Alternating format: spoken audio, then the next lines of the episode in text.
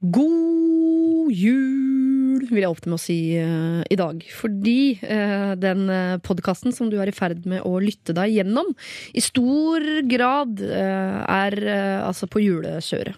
Det blir juleproblemer, det blir juleprat om julemat og i det hele tatt. Så hvis du allerede er lei, så er du på vei til å gå inn i en halvannen times tid som kan bli vanskelig for deg. Eh, Du er advart. Men det du også får i denne halvannen times lille sekvensen, er noen råd til eh, Magdi, som han ikke har bedt om. For Magdi har jo blitt eh, pappa til eh, tvillinger. Han får noen råd, og det er kanskje ikke så lyst. For det viser seg at to av dagens rådgivere, altså de to av dem som jo har erfaring med å få barn, Lide Verndal og Hans Olav Brenner, de nærmest øh, fordømmer muligheten til at det skal være rom for kjærlighet overhodet når man har øh, barn. Det hele er ganske mørkt, og jeg er bekymret for Nils Ingar Rodne, som står i andre enden av dette her, om han i det hele tatt noensinne kommer til å ønske seg inn i den situasjonen. Det er ikke meningen å ødelegge for, øh, for dere, hvis det er noen der som nå sitter og har en på vei, eller tenker at de er forelsket i en fyr som de ser for seg som far til sine barn en gang i framtiden, eller hvor det nå er i livet ditt. Eh, Men du er advart igjen. Det blir litt eh, mørkt. Vel bekomme. P3. Dette er Lørdagsrådet med Siri Kristiansen. på P3. P3. God eh, morgen. Kalenderen viser 6. desember. og Det betyr jo at vi nærmer oss jul med ganske store stormskritt. Jeg har snakket om jul en stund, ja, men nå merker jeg at det er, liksom, nå er det lov å snakke om jul. Og jo nærmere jul man kommer, jo eh, flere juleproblemer renner det inn til oss her i Lørdagsrådet. Fordi selv om det er en høytid som veldig mange setter pris på, så er det en høytid som gjør at de som kanskje ikke er så glad i utgangspunktet, antagelig får eh, det verre. Eh, mange har problemer med altså på sånn gavenivå. Hva skal jeg gi? Hva er greit å gi? Jeg er ikke så glad i å gi. Hva skal jeg få? Videre. Andre er med på hvem skal jeg feire sammen med? Hvem har jeg lov til å ikke feire sammen med? Eh, jeg står midt i et juleproblem sjøl, egentlig. Av en litt sånn større karakter, for å være helt ærlig. Nå skal ikke jeg gå ut fra at du kjenner hele min eh, historikk. Men kort fortalt da, så har jeg en litt sånn øh, rufsete familiehistorikk. Blant annet med en far som valgte å, å forsvinne opp i fjellene i Italia da jeg var ti år gammel. Nå har han i det siste Jeg har ikke hatt noe særlig kontakt med mannen siden, men nå har han meldt seg på. Ringer og sender postkort og prøver å spille på mine følelser i form av at nå er det jul. Kan du ikke ringe pappaen din? Eh, Jeg sitter her nede i eh, Italia alene. Kan du ikke ringe og si 'god jul'? Det er bare to ord, osv. Har han lagt igjen da på min eh, personsvarer på telefonen, som jeg jo ikke har for vane å ta når han ringer. Jeg tenker, Det kan jeg selvfølgelig gjøre. Det er to ord. God jul og alt det der. Og folk rundt meg sier sånn, herregud, Siri, det er jo faren din. Selvfølgelig kan du, skal du ringe han og ønske han god jul. Han er lei seg. Så tenker jeg dere forstår ikke, altså. Dere tenker på deres egen pappa, dere tenker på deres frykt for at barna deres en dag ikke skal ringe dere og si god jul. Han valgte meg bort, og det er ikke han som skal sitte på valget om når jeg eventuelt skal komme tilbake. At han blir emo i jula, ja, vet du hva, det skal faktisk ikke gå ut over eh, meg. Men allikevel så oppleves det som problematisk. Litt eh, fordi jo jeg har et eh, bankende hjerte, jeg også. Jeg vet hva det vil si å være lei seg. Jeg vet hva det vil si å ha et ønske om at noen skal ønske deg god jul, som ikke gjør det, osv. Jeg har ikke bestemt meg ennå, men jeg tror ikke det blir noe god jul-telefonsamtale ned til Italia. Dessverre. I hvert fall ikke i 2014.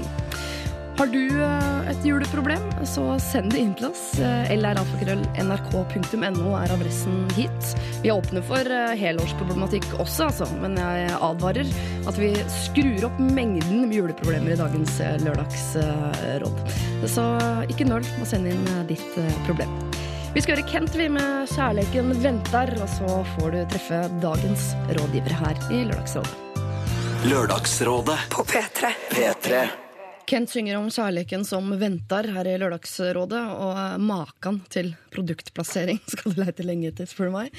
Eh, Jeg har plassert dagens rådgivere rundt meg i eh, sirkel, det er så trygt og godt. Eh, Og jeg starter tvers over bordet for meg selv. Der sitter Line Verndal, god morgen. God morgen. Skuespiller Line Verndal. Ja. Jeg skal gå og se Operasjon Arktis i dag. Ja. Det er vel en film du kjenner til? Det er en film jeg kjenner til, eh, og den ble jeg så glad for når jeg så den selv. Eh, så det er faktisk en veldig fin film. Altså. Er den skummel? Eh, ja, den er skummel. Hvor gammelt eh, barn har du? Fem. Da blir den litt vel skummel, kanskje. Men eh, jo, den er skummel, altså. Ja. Eh, så, ja, jo. Hva er det som er skummelt? da? Handler det om noen unger som havner på Nordpolen? De havner på Svalbard, på en øy, Ah, ja. eh, og, og de holder på å dø. Shit. Av matmangel eller Ja. kulde eller Matmangel. Oi, Og så er det en isbjørn òg, har jeg sett i Ja, traileren. isbjørn som eh, lusker utenfor. Og du er da fortvilet mor. Jeg, jeg griner jo bare hele tiden. Er det bare deg selv, rett og slett? Jeg er bare meg selv som har mistet tre barn, på en måte. Vi mistet tre barn til eh, eh, snøbjørnene. holdt jeg på å Si. Hva heter Ja. det? Isbjørn? Snøbjørn. Herregud. Burde hett snøbjørn. Programleder Hans Olav Brenner, du er også her. Ja, det er jo Eh, aktuell med eh, Brenner og bøkene om dagen på NRK1. Yes. Er det ditt drømmeprogram? Eh, altså, det jeg til enhver tid jobber med, er mitt drømme... Eh, nei, jo, det, er, altså, det som er praktisk og veldig fint med programmet, det er jo at jeg eh, som småbarnsfar bare kan gå hjemmefra og spasere ned i studio her på Marienlyst. så, så kampen for tilværelsen er på en måte blitt veldig eh, rolig og fin for meg nå med dette, dette konseptet. Så det er litt deilig å ikke være ute på tur, var poenget. Jeg tenkte at du heller skulle rosemale den delen av det som er sånn. Jeg er småbarnsfar og ligger og øh, øh, har hjemmekontor øh, fire dager i uka. Hvor jeg bare ligger på sofaen og leser og drikker te. Ja, det er deilig å, å, å lese bøker på skattebetalernes regning, som jeg gjør nå. Ja. Hvor mange bøker har du lest i løpet av sesongen så langt? Mange, men jeg blir så trøtt når jeg leser om dagen. da. Men jeg, jeg har lest kanskje Jeg leser i kanskje 800 sider per eh, program. Shit. Ganger 10, 8 Det hørtes så veldig mye ut nå, høres ut som jeg ljuger. La oss si, fem, la oss si 5000 sider, da. Oi. I løpet av denne sesongen. Oi, det er ganske mye. Vil jeg si. Det er nesten én Knausgård-bok, mye. Siste latter vi hører, er eh, Nils Ingar Hodne sin, komiker. Eh, Velkommen om bord. Takk for det. Tusen takk. Sier vi Nilsi herfra ut? Ja, det går fint. Du var på Senkveld eh, nettopp og fortalte om at du skal være med i 71 grader nord. Eller Ja, ha, ja, har Ja. vært med. Kommer på TV. Kom på TV til våren. Ja. Fantastisk uh, gøy. Gøy å, å dra på tur inn i lavvo med fire andre du ikke kjenner. Da blir man veldig fort kjent. Er det, det er vinter- eller sommeredition, dette her? Det er eh, sommer. Sommeredition, Mm. ja. ja. Men du er jo en sånn friskus-type, er du ikke det? Jo, jeg er veldig glad i å være ute. Ja. Altså, du er jo, eh, altså, Tine Meierier har jo valgt deg som sin coverboy. Ja, i hvert fall melk.no. Melk.no. Du, har jo, en veldig sånn frisk utstråling. Ja, jeg, eh, jeg prøver så godt jeg kan. Ja. Hvor, eh, hva vil det si? Nei, altså jeg er veldig Jeg er jo glad i å være veldig glad i fysisk aktivitet. Og være ute på tur og trener og holde på. Ja. Det Det må være greit, det. Det er lov, det. Du er, jeg vet ikke om du er i så godt selskap her i dag. Nei. Ikke for å dømme noen andre eh, rundt bordet, men jeg tror du på en måte er eh, den sikreste kandidaten til melk.no, da. Rundt. Kan vi være enige om det, eller? Så ikke jeg føler at jeg er baksnakker dere, på en måte. Jeg er enig. Ja, det er jo Ja, det får gå. Det får gå. Men du har jo ødelagt ryggen din, eh, er Hans. Olav. Ja. Hadde det ikke vært for den ryggen, så hadde jeg blitt mer offensiv i, dette temaet. her. Selvfølgelig. selvfølgelig. Dere jeg pleier å spørre om sivil status til slutt, men jeg tar det først nå, fordi vi skal videre på hvordan jula deres ser ut. og Da, det, altså, da avslører man ofte sin sivile status i juleplanene. Eh, Så vi tar den runden først. Jeg begynner på den mest spennende av dere, som er Line Verndal. Uh. Fordi, ja, men eh, de andre det er, så, det er ofte veldig sånn steady. Ja. Evig singel eller evig et forhold. Men du er ganske sånn av og på. Hvor er du Ja, nå? jo, nei, nå er jeg vel Jeg, er, jeg har ikke noe fast, altså. Eh, nei. Nei. Eh, men jeg har det jo hyggelig. Men jeg, jeg har ikke, liksom, jeg har ikke, jeg ikke festa seg noen. Nei, men Er det på en sånn amerikansk tilstand hvor du kliner litt her og der og dater flere og sånn, eller er det én du har Nei, sett jeg deg er ut? litt sånn seriemonogam. Da. Så hvis jeg liksom først ser ut en, ser meg ut en, så er jeg jo der, da, på en måte. Men, eh, men eh, Men det er ingen du skal feire jul med, men kanskje Nei. ses på nyttårs eller noe sånt? da. ja, vi får se, liksom. Ja. Ja. Ja, skjønner. Jeg er jo supernysgjerrig, selvfølgelig. Faen, dette er kjempespennende. Ja. Det er jo Ja. Og utover det så er du øh, øh, mor til en datter. Ja, eh, datter på åtte, eh, som jeg ikke skal feire julaften med, og det er så crap at det er jo helt kjipt. Men eh, For hun skal være sammen med faren sin. Hun skal være sammen med faren sin Ja. eh, på Sunndalsøra. Og da må jeg være hos min egen familie, da. Ja, bor du fortsatt nede i kjelleren hos foreldrene dine? Jeg Det- gjør det, vet du. Jeg, Ja. Vi bor i samme hus. Ja. Så du skal bare tasse opp i Ja, pysjen? Det er veldig greit å komme seg dit, altså. Det er kort Det er ikke så mye styr å dra hjem til jul. Nei. Men kommer det noen andre med sine barn dit, sånn at det blir sånn ordentlig det er ikke trist for bare- deg? det er, ja, ja, ja. Det kommer, søsteren min og familie og sånn kommer jo. Ja, Pass deg for flaska, da. Ja, det var det. Ja. Ja. Så du ikke blir sånn nitrist mor. Dritings på julaften. Ringer datteren sin sånn klokken elleve. Savner deg. Det er ikke bra. Nei. Det fins plakater om sånt på Ja. busser og i det hele tatt. Åssen er det med deg, eh, Hans Olav Brenner? Jo, det er bra. Altså, jeg er jo gift, da. Ja. På hva blir det nå, da? Eh, f- Tredje året? Sjette året. Oi, gikk det så fort? ja. Så eh, det, det, er, det er sånn, det. Og Ja. sånn skal det fortsette å være, har jeg tenkt. Og du kom jo med litt sånn eh, fersk gulp på uh, kakebuksene dine i dag. Ja. Er det, hvor mange barn er vi oppe i? Nå er vi oppe i to, uh, hvorav den eldste er ca. to år. Shit, ass. Så det er, det er intense dager og netter, da, kan du si. Ja, Det er produktivt, vil jeg påstå. Jo, takk for det. Ja. Er du en slags pappaperm, egentlig? Eh, Den begynner nå rett over nyttår. Åh, digg. Mm. Den skal bli lang, har jeg tenkt. Ja, Du driter i hva Stortinget har eh, vedtatt. Du Ja, bare kjører er- på med perm. Ja, skal supplere med litt sånn diverse ubetalt og betalt, og, og sånn at det ikke blir noe jobb før etter sommeren igjen, har jeg tenkt. Ja. Jøss, så deilig. ja. Ja, Ja, jeg kan komme bort og trille en tur med deg. Kan du ikke det? Jeg elsker jo små babyer. Til en viss grad. Eh, Nils Ingar Rodne, din Ja. sivile status har vi aldri fått brettet ut eh, her i Lørdagsrådet før. Åssen er det med den? Den er singel. Du er singel, ja. Ja da. Men du er litt sånn evig singel. Ja. Hvorfor det? Eh, jeg har vært uh, singel så lenge jeg kan huske, i hvert fall. Skulle ringe moren din og høre om det er noe ja, det er noe. Jeg, eh, nei, hvorfor det? Det er det alle spør om. Alle sier jeg skjønner ikke det. Men eh, jeg, jeg, jeg har ikke funnet den rette, er, er du lei av at folk spør om det? Ja. Ja. ja, Unnskyld. Ikke tenk, nei, det er helt greit. Men ellers da, så har du kara til deg egen leilighet. Og det er ganske, altså hvis man, Ting er på stell ellers, ja. ja, hvis man Ja, får, jeg tenker ja. sånn, Hvis du får Nilsi liksom, om bord i, i, din private scooter, da får du en hel pakke. da. Ja, da får du pakka. Da får du pakka en sånn friluftsfyr som er og funny og leilighet. Ja. fy fader. Det er helt sykt. Ja. Men så er du også uh, glutenallergiker. Er det lov å legge til det? Ja, det er riktig, det. Men det er jo Og det kan jo for mange være en hemsko, selvfølgelig. Så det er litt sånn, jo, Ja, kan det være det? Jeg har tenkt mange ganger. Der lå den nå. helt. Ja.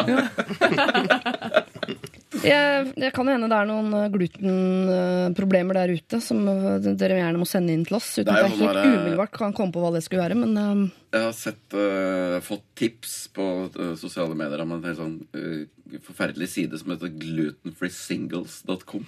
Er det sant? Man kan date andre. Det føler jeg er et tynt grunnlag å møtes på. ja, men det er en, det er en icebreaker, da. På mange Ja, det er, måter. det er det på mange måter. Slippe å være han ene på restaurantstyret sånn Unnskyld, er det gluten i foccacciaen? Ikke sant? Det er litt kjipt, det, da.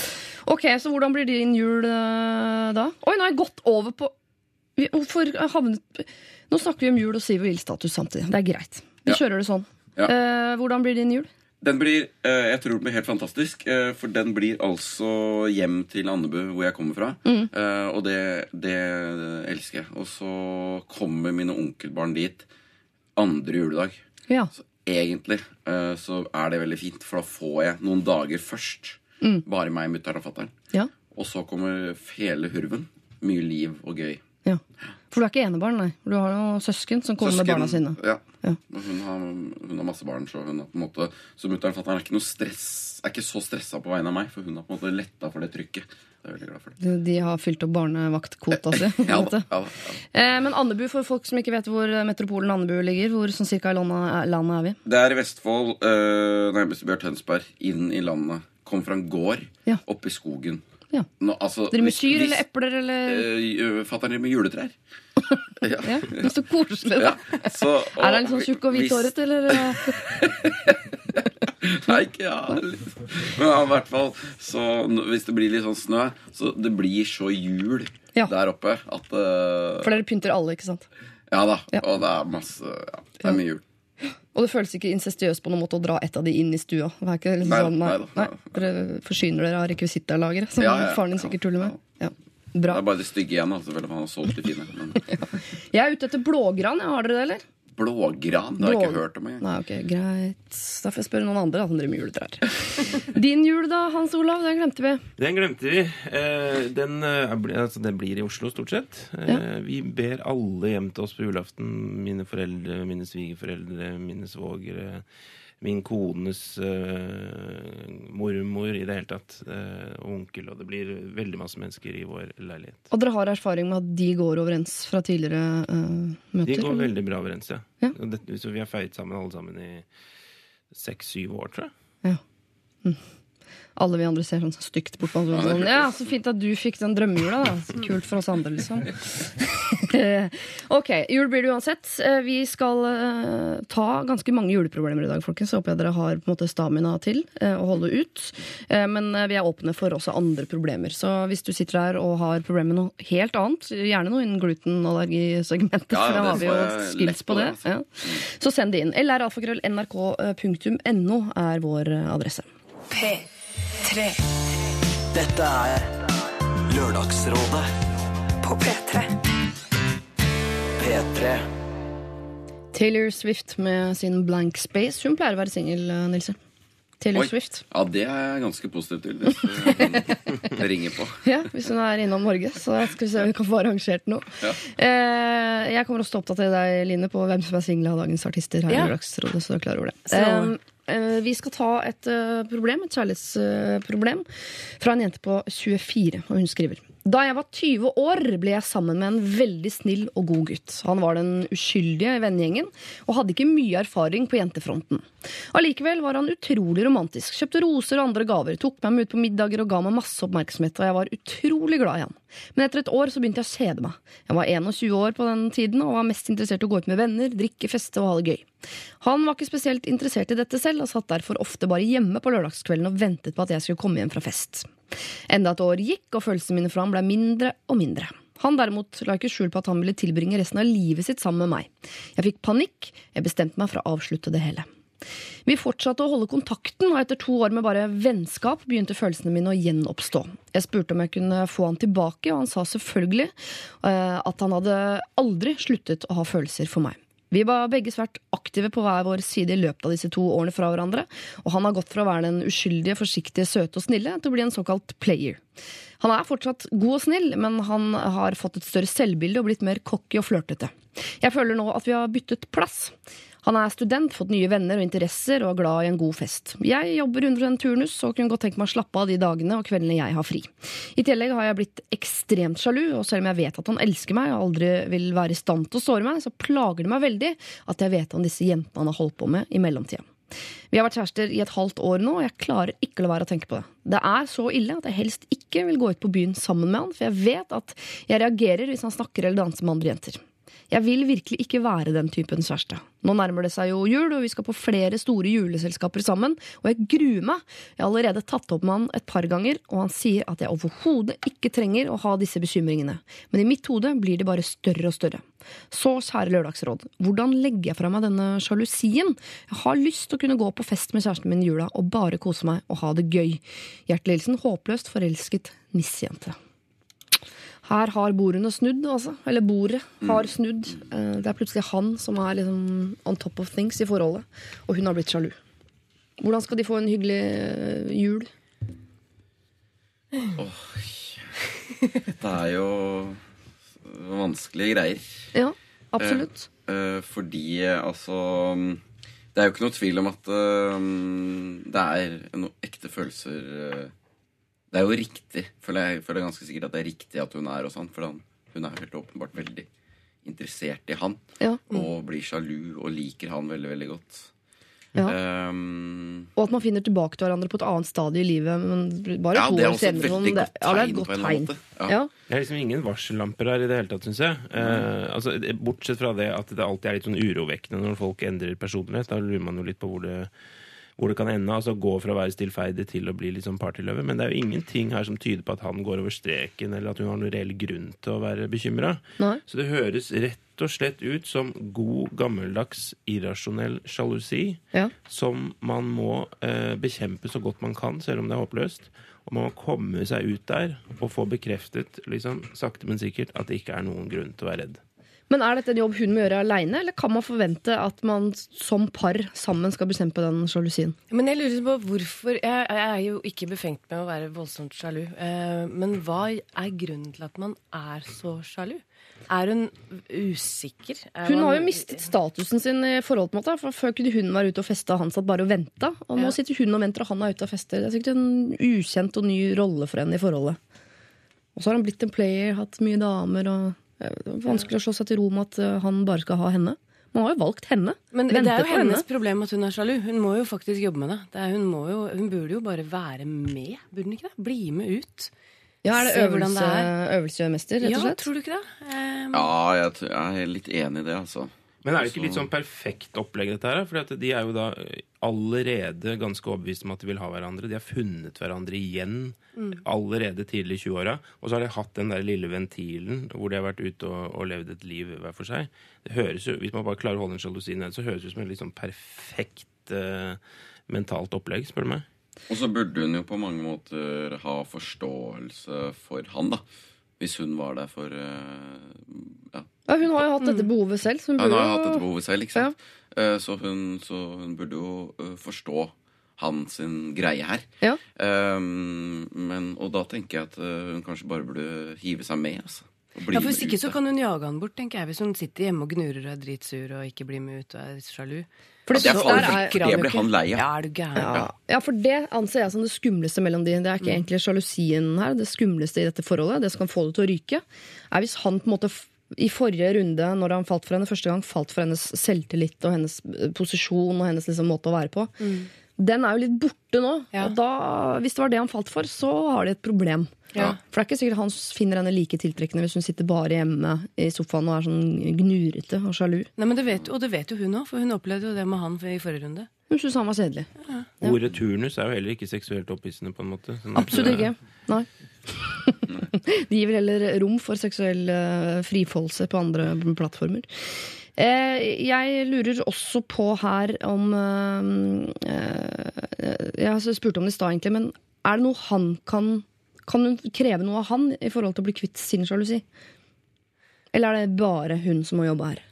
Jeg opplever at han, som hun skriver, er veldig sånn trygg og forteller at Og hun og jeg tror ikke han kunne gjøre noe mot meg. Hun er jo veldig trygg på han da, og hans kjærlighet til henne. Ja. Bortsett fra har Eh. blitt flørtete, da.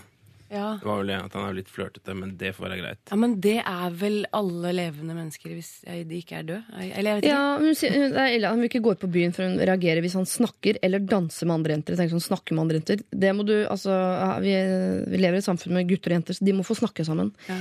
Men danser, hvis man er litt sjalu, så kan man forstå at jeg hadde heller ikke digga det hvis øh, min elskede lokfører nå Vi hadde gått ut på Oliven i Son sammen, så hadde han plutselig stått og snakka med uh, Cowboy-Laila, som vi kaller henne, i hotpantsen sin. Og de hadde stått og gnukka. Jeg hadde ikke tenkt sånn Nå koser han seg!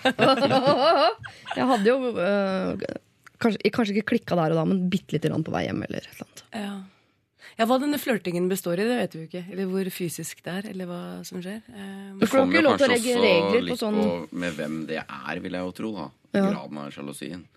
Hvis det er felles venner av dem, så må det være lov å svinge seg litt på dansegulvet og tulle. Men hvis det er en av de han har vært bortpå i denne pausen de Ja, hadde da på to skjønner jeg at, øh, at det er litt vanskelig, ja. Ja, det er litt vanskelig, altså. Og så tenker jeg sånn den dans, hvis han begynner med sånn Å ja, det var litt tett, ja, men det er sånn dansen er, og sånn. Altså, han forbeholder seg retten til å liksom danse. Altså, det er, så- det er ganske enkelt, tenker jeg, å drite i å danse veldig mye med ekser. Det, Ja. det, det- det kan man forvente at, eh, at det droppes ganske kontant. Så det kan hun si til han. Sånn, hvis du skal danse, så gjør det med folk som vi begge er trygge på. Da. Ikke noen nye folk eller noen gamle flammer. Eller. Og det syns jeg også er fint med at hun faktisk har tatt opp med han at øh, hun har det problemet. Det liker jeg veldig godt. Det er et veldig sunnhetstegn. Det syns jeg er øh, creds til henne at hun ikke bare uh, bare øh, går med det inni seg, men faktisk tar det opp at jeg syns det er stress. Ja, helt enig. Uh, fordi ja, da er det kanskje enda lettere å gjøre noe med det, begge to. Det jeg hører her, eh, kjære eh, håpløst forelskede nissejente, er at eh, A, vi har veldig troa på det forholdet. Dere har valgt hverandre ikke bare én gang, men to ganger. Og dere har ikke glemt hverandre i tiden imellom, selv om dere har surra rundt og i det hele tatt. Eh, du har snakket med han, det er et godt eh, tegn. Han gir deg jo trygghet på at du ikke trenger å bekymre deg. Det er, et godt, altså, det er mye bra her. Du skal passe deg litt grann eh, for å endre deg for mye i forhold til å bare sitte hjemme og være sjalu og sånn. Men den sjalusien den må du jobbe med, og så kan du forvente at han også blir med og jobber lite grann. Eksempel kan du si til han og forvente at han ikke danser med gamle flammer, for. Det, det, det er lov å liksom tråkke opp noen sånne kjøreregler nå før eh, jula. Så selv om du har snakket med han noen ganger allerede, så er jeg stygt redd for her at du må snakke med han en tredje gang med litt mer sånn eh, kjøreregler, sånn at den jula her skal bli hyggelig for eh, begge to. Så det kan både danses og flørtes, men dere kan gå hånd i hånd sammen hjem og ha det hyggelig også hjemme. Jeg tenkte jeg skulle nevne til deg som hører på, at øh, det straks legges ut en øh, nettserie om det å bli dumpa her i P3. Mange fine eller triste historier om øh, det der å bli dumpa. Disse episodene legges ut alle sammen på p3.no på mandag, så hvis du er midt oppi det sjæl, har vært gjennom det, ser for deg at du kommer til å skulle en dag gå gjennom det, eller lignende, så er du i målgruppa for denne nydelige lille serien altså på p3.no. Problemene dine sender du inn til Lørdagsrådet. LR-alfakrøll nrk.no. Dette er Lørdagsrådet På P3. P3 Nero og Alana Gilt fikk du der i Lørdagsrådet, og før det hørte vi vel også eh, Figure It Out med Royal Blood. Vi skal til eh, morgenens første juleproblem, selv om forrige problem jo også på en måte var julerelatert, men handlet vel i stor grad om sjalusi og kjærlighet. Dagens rådgiver er eh, Nils Ingar Rodne, komiker. Eh, Velkommen eh, om bord igjen. Ja. Eh, Programleder Hans Olav Brenner, eller Hans Majestet Olav Brenner, som jeg liker å kalle deg. Eh, Og Line Verndal, skuespiller. Aktuell film jeg skal se klokken fem i dag Ja. Moss kino. Med sønnen min og dama hans. Lite søte. Ok, juleproblem. Her står det. Hei, jeg trenger råd angående julekvelden. Jeg har barn, men de skal til faren sin jula. Min kjæreste sine barn skal også til den andre part. Altså har vi to, eh, eh, begge to fri sammen. Jeg har en mor jeg bør feire jul sammen med, men hun sier at vi bare må reise bort. Men da blir hun jo sittende dønn aleine i jula. Her gnager min samvittighet. Skal jeg reise bort med kjæresten min, eller sitte i stua sammen med mor og kjæreste? Jeg kan jo ikke la ett eldre menneske sitte dønn alene i jula. Da er jeg jo ond og slem og får sikkert høre det i årevis framover. Hun har tidligere sagt at hun ikke vil ha noen gaver, og hun kommer heller ikke til å gi noen. Jeg er fra en knøtt liten familie. Jeg mista min far for noen år tilbake, og nå er jeg usikker på hva jeg skal gjøre. Eh, Du kan jo kanskje relatere litt, i hvert fall, Line Werna, for du skal jo feire jul i år uten eh, datteren din. Er du frista til å bare reise bort? Eh, ja, det har jeg jo vært. Ja, Ja. faktisk. Eh, men, for jeg er ikke så veldig, veldig Jeg må ikke ha jul hjemme. Jeg er ikke sånn så julekjær. Eh, Er det hensyn til eh, andre, da? At du velger å liksom feire med moren og faren din? og Sånn? Eh, Ja, det er også fordi jeg liksom maser meg til at jeg får jo datteren min tilbake 27. Så jeg, det er ikke så lenge hun skal være borte. Så det blir ikke så lang tur, og da gidder jeg liksom ikke. Du har rukket innom Berlin, på en måte? Eller? Jeg kunne tatt en liten sånn uh, sipp. Men det er noe med å være helt aleine, altså. Jeg tror ikke det no. Nei. Hva tenker dere her? da? Her er det et, et kjærestepar som har muligheten til å reise bort i jula og kose seg i hjel. Eller så er det muligheten til å sitte da i en sånn så Nå legger jeg, til, eh, legger jeg til noen elementer som kanskje ikke stemmer, men en litt sånn eh, liten leilighet eh, på Manglerud sammen med mora til en. Altså, Det er jo et veldig godt prinsipp at ingen skal sitte hjemme på julaften eh, alene. Alene, ja. Bra du sa det. For hvis ikke så hadde jeg hatt et problem. Dette mener jeg hele Norge bør. Nei, men uh, alene. Uh, det, altså, så langt det er mulig å følge det, så, så, så må man gjøre det. Altså, Vips så går hun ut i Aftenposten og sier at uh, hun er alene i verden, og noen andre må feire jul med henne. Og da Men hun sier jo selv at eh, bare reis bort. Jeg, og hun vil ikke ha gaver, hun vil ikke gi gaver. Hun virker ikke som en dame som gleder seg sånn enormt til jul, og som er veldig sånn julete. Jeg ser ikke for meg at leiligheten liksom bugner av nisser og, og glitter og Men det sier de. De er veldig opptatt av å ikke være til bry. eh, Ja. Den generasjonen der ofte. Eh, og det, mm, det, det er bare en unnskyldning, tror jeg, for at de skal føle seg frie. Jeg tenker jo at de må Eller at de gjerne kan dra på tur, men kan ikke dra på tur første eller andre juledag. Det er jo bare akkurat julekvelden liksom som er så nådeløst, Liksom, man Ja, Hvis ikke det er sånn som Eline, at de får barna sine tilbake liksom 27.-28., så hvis de skal liksom rekke noe lenger enn til Strømstad, så er det Ja, da må du ja, liksom dra lille julaften eller noe. Men blir det noe hyggelig å være på tur hvis du er på tur sammen med kjæresten din og tenker at shit, nå sitter mamma hjemme aleine? Da har du det ikke noe hyggelig på tur hvis du har dårlig samvittighet. Nei, men Har man det hyggelig som sitter en leilighet tre stykker da, og alle vet at uh, to av de helst ville vært i, i Berlin? Ja, men man bestemmer seg for at fy fader, vi skal lage det skikkelig hyggelig på julaften. Vi skal lage mat, og vi skal ordne skikkelig. Og hun skal fader steike meg få en presang òg. Ja, Uh, man, man kan jo lage den julaften så hyggelig man bare vil. Men hvis hun, hvis hun gamlemor her hadde vært så streit, liksom, så hadde jo ikke kommet den kommentaren om at dette får jeg sikkert høre igjen eh, de neste så og så mange årene. Altså Det finnes jo sikkert mennesker som ville vært sånn ja, vet du hva, tatt en klok beslutning. Jeg sitter fint, jeg elsker ensomheten. Altså Jeg leste en biografi om Astrid Lindgren nå, akkurat, og hun gjorde ensomheten til en sånn kjempe, kjempepoeng, og satt gjerne hjemme alene på nyttårsaften osv. uten å ha noen tapsfølelse rundt det. Men jeg fornemmer liksom ikke her at hun eh, ikke blir lei seg. Jeg syns de hadde liksom et slags sånn anstrøk av passiv aggressivitet, disse her. Jeg kommer ikke til å gi noen gaver, jeg vil ikke ha noen gaver. Og, altså, dette Ja. er på en måte litt sånn innbakte trusler. Og på julaften, da er det liksom de, Alle skal i hus på julaften. Så da må man bare de må, Berlin Nei, det går ikke.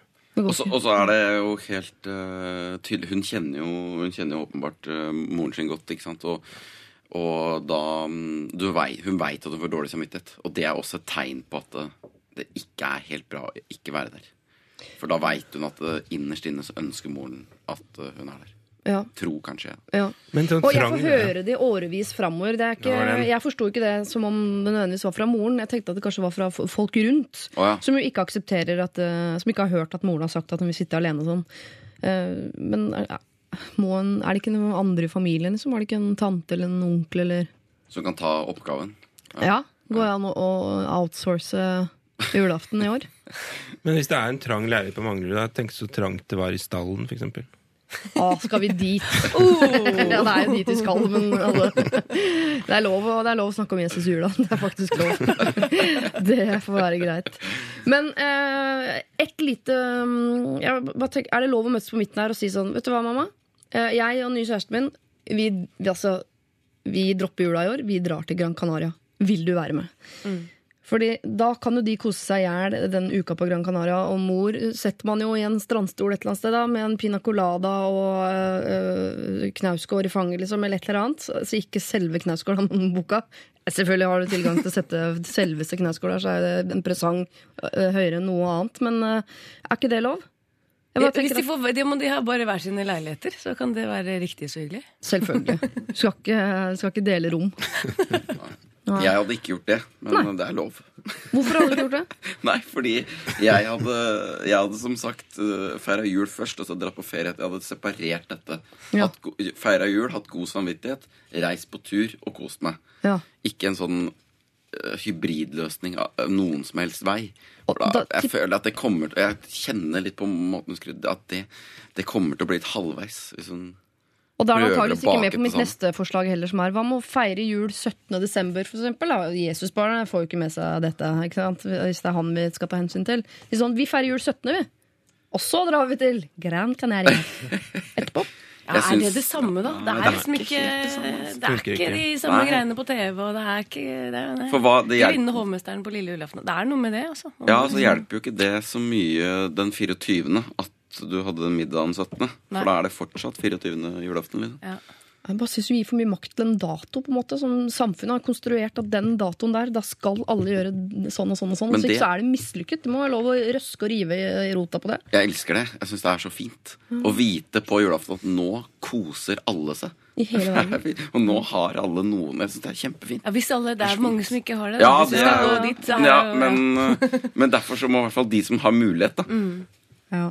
Jeg mener, også du det. Du, jeg, jeg mener at hun må bli hos moren sin. Altså. Det er mulig det er for tidlig i desember for meg til å være helt enig med dere. At jeg, når det nærmer seg 24., så, så gråter jeg i kor med dere og tenker Men herregud, bli med hjem med mamma, da. Men jeg er litt Altså, jeg legger en Jeg legger en liten stemme på Berlin også. Det må jeg få lov til. Selv om Berlin ikke er nevnt. Eller Gran Canaria, eller hva det måtte være. Ja, jeg vil ikke stikke noe kjepper i hjulet for den ferien. Altså, for på nyttårsaften må hun gjerne stå i Berlin og vifte med skjørtet og kose seg. Ja. Skal vi ikke si eh, det, da? Vi er uh, tydeligvis ikke så for sånne hybridløsninger. Enten så færre jul, eller så gjør du ikke det. Og her syns jeg jeg hører at det du må i år, eh, litt pga. din egen samvittighet, litt av Jesusbarnet, uh, men kanskje mest av din egen mor, uh, så må du feire jul sammen med moren din. Og det er opp til deg hvor hyggelig det blir. Og hvis dere har muligheten, ja, så drar dere første juledag da, dit nå til Gran Canaria hvis dere har en uke. Men hvis barna deres kommer hjem den 28., ja, så tar dere en svipptur til Göteborg, da, for den saks skyld. Det er koselig der òg. da får du litt i pose og sekk. Men eh, 24. Ja, det er visst hellig, det, da. I hvert fall fra klokka tolv, ifølge kalenderen. Ja. Eh, så da eh, blir du altså hjemme i år sammen med din eh, mor. Dette er Lørdagsrådet. På P3. P3. Oral B sammen med Mr. P. Eh, tennis hørte du der i Lørdagsrådet. Eh, Overhodet ikke en eh, julelåt. Men det er jo ikke låtene i dag som skal dreie seg om jul. Det er jo stort sett, i hvert fall ganske mange av problemene i dag. Vi skal litt tilbake. Da ingenting dreide seg om jul. Har alt bare dreid seg om det livet jo dreier seg om. Problemer og løsninger. Vi eh, fikk nemlig en mail fra en jente som har et problem jeg ikke har vært borti før. Eh, hun hadde blitt gjort oppmerksom på av sin kjæreste at fjeset hennes luktet vondt. Han syntes det var vanskelig nærmest å kysse henne, for hun, altså, trynet hennes stinka. Eh, hun var usikker på hva hun skulle gjøre med sin ansiktslukt. Eh, regnet med at det kanskje kom fra sminken, eller hva det nå eh, skulle være som var grunnen til denne vanskelige lukten. Ingeborg Heldal, Hasse Hope og Karina Olseth var rådgivere på den, eh, på den eh, tida der, og de hadde følgende råd å gi. Så jeg mener det er tre typer lukter man kan kommentere hos en kjæreste. Det er ånde, svettelukt og bæsjelukt. Ja. Eh, hvis det er noe utover det, så må du faen meg bare skjerpe deg. Hvis du hadde kommentert bæsjelukt, så hadde jeg slått opp på stedet. Jeg det, det må dysses ned og ties opp. Men jeg, da mener jo at kjæresten bør si at ikke trynet ditt stinker, men, men eh, du, jeg, jeg får litt kløe av sminkelukta di. At, Ja. at det er en veldig sånn klar antydning om hva det er som stinker her. Ja. Ja. Men det syns han har gjort. Jeg synes egentlig han har gått fram veldig fint. For det vanligste i et forhold vil jo være at han eh, bare kysser mindre og mindre, og mindre, og til slutt så blir det slutt, og ingen skjønner hvorfor. Ja, det hadde vært Ja. Jeg tipper han syns det er eh, pudder foundation som lukter vondt. Ja. Eh, for den har jo en spesiell lukt, så det er helt sikkert at kjæresten kicker på det. Kan jeg gi et innmari konkret råd? Ja. Et sånn superkonkret. Ja. Hun kan bytte ut ID med Jane Iredale. Det funker nesten akkurat på samme måten, men Jane Iredale lukter mindre. Det var det jeg skulle si! Dette er Lørdagsrådet. På P3. P3. Hatt Lørdagsrådet i eh, flere år nå, og det der er vel kanskje et av de mest konkrete rådene vi noensinne har gitt. Altså ned på merkenivå. Vi har fått ny mail fra frøken Stinkefjes. Eh, Hun skriver her eh, til meg. Hei, hei, Siri. Takk for at du tok opp problemet mitt. Det var veldig gøy å høre på. Det er å faktisk få et konkret råd om hvilket merke sminke jeg burde bruke, var mer enn jeg hadde håpet på. Herlig. Likevel velger jeg å bruke opp sminken min før jeg kjøper et nytt merke. Det må man bare leve med. Og det syns jeg er eh, greit. altså. Du trenger ikke å kaste ting for mange hundre kroner for å, kjøpe noe nytt til mange hundre kroner. Ellers likte jeg de morsomme skildringene dere hadde av både han og meg, og jeg fikk kjæresten min til å høre på podkast, og han syntes det var kjempegøy. Han mente ut fra det dere sa, at han vant, så eh, jeg har jo blitt eh, sammen med en eh, ellers ganske barnslig fyr, som dere skjønner. Og han kaller meg faktisk Sminky Stinky med jevne mellomrom, så takk for den, Hasse Hope. Fortsett å være morsomme, jeg hører på dere hver uke, med vennlig hilsen, snart ikke like mye stinkefjes. Hei, god morgen, stinkefjes. Hyggelig at du hører på oss også i eh, dag. Jeg vet ikke om du har kommet over i den fasen av livet ditt hvor forrige sminke var brukt opp, om du nå eh, lukter blomster i dag. Eh, men hvis du gjør det, så applauderer jeg det. Uten lyd. Vi går videre til nye problemer her i Lørdagsrådet. Har du et du ikke har sendt inn allerede, så gjør det nå, da vel! lr-alfakrøll-nrk.no. Dette er Lørdagsrådet. På P3. P3.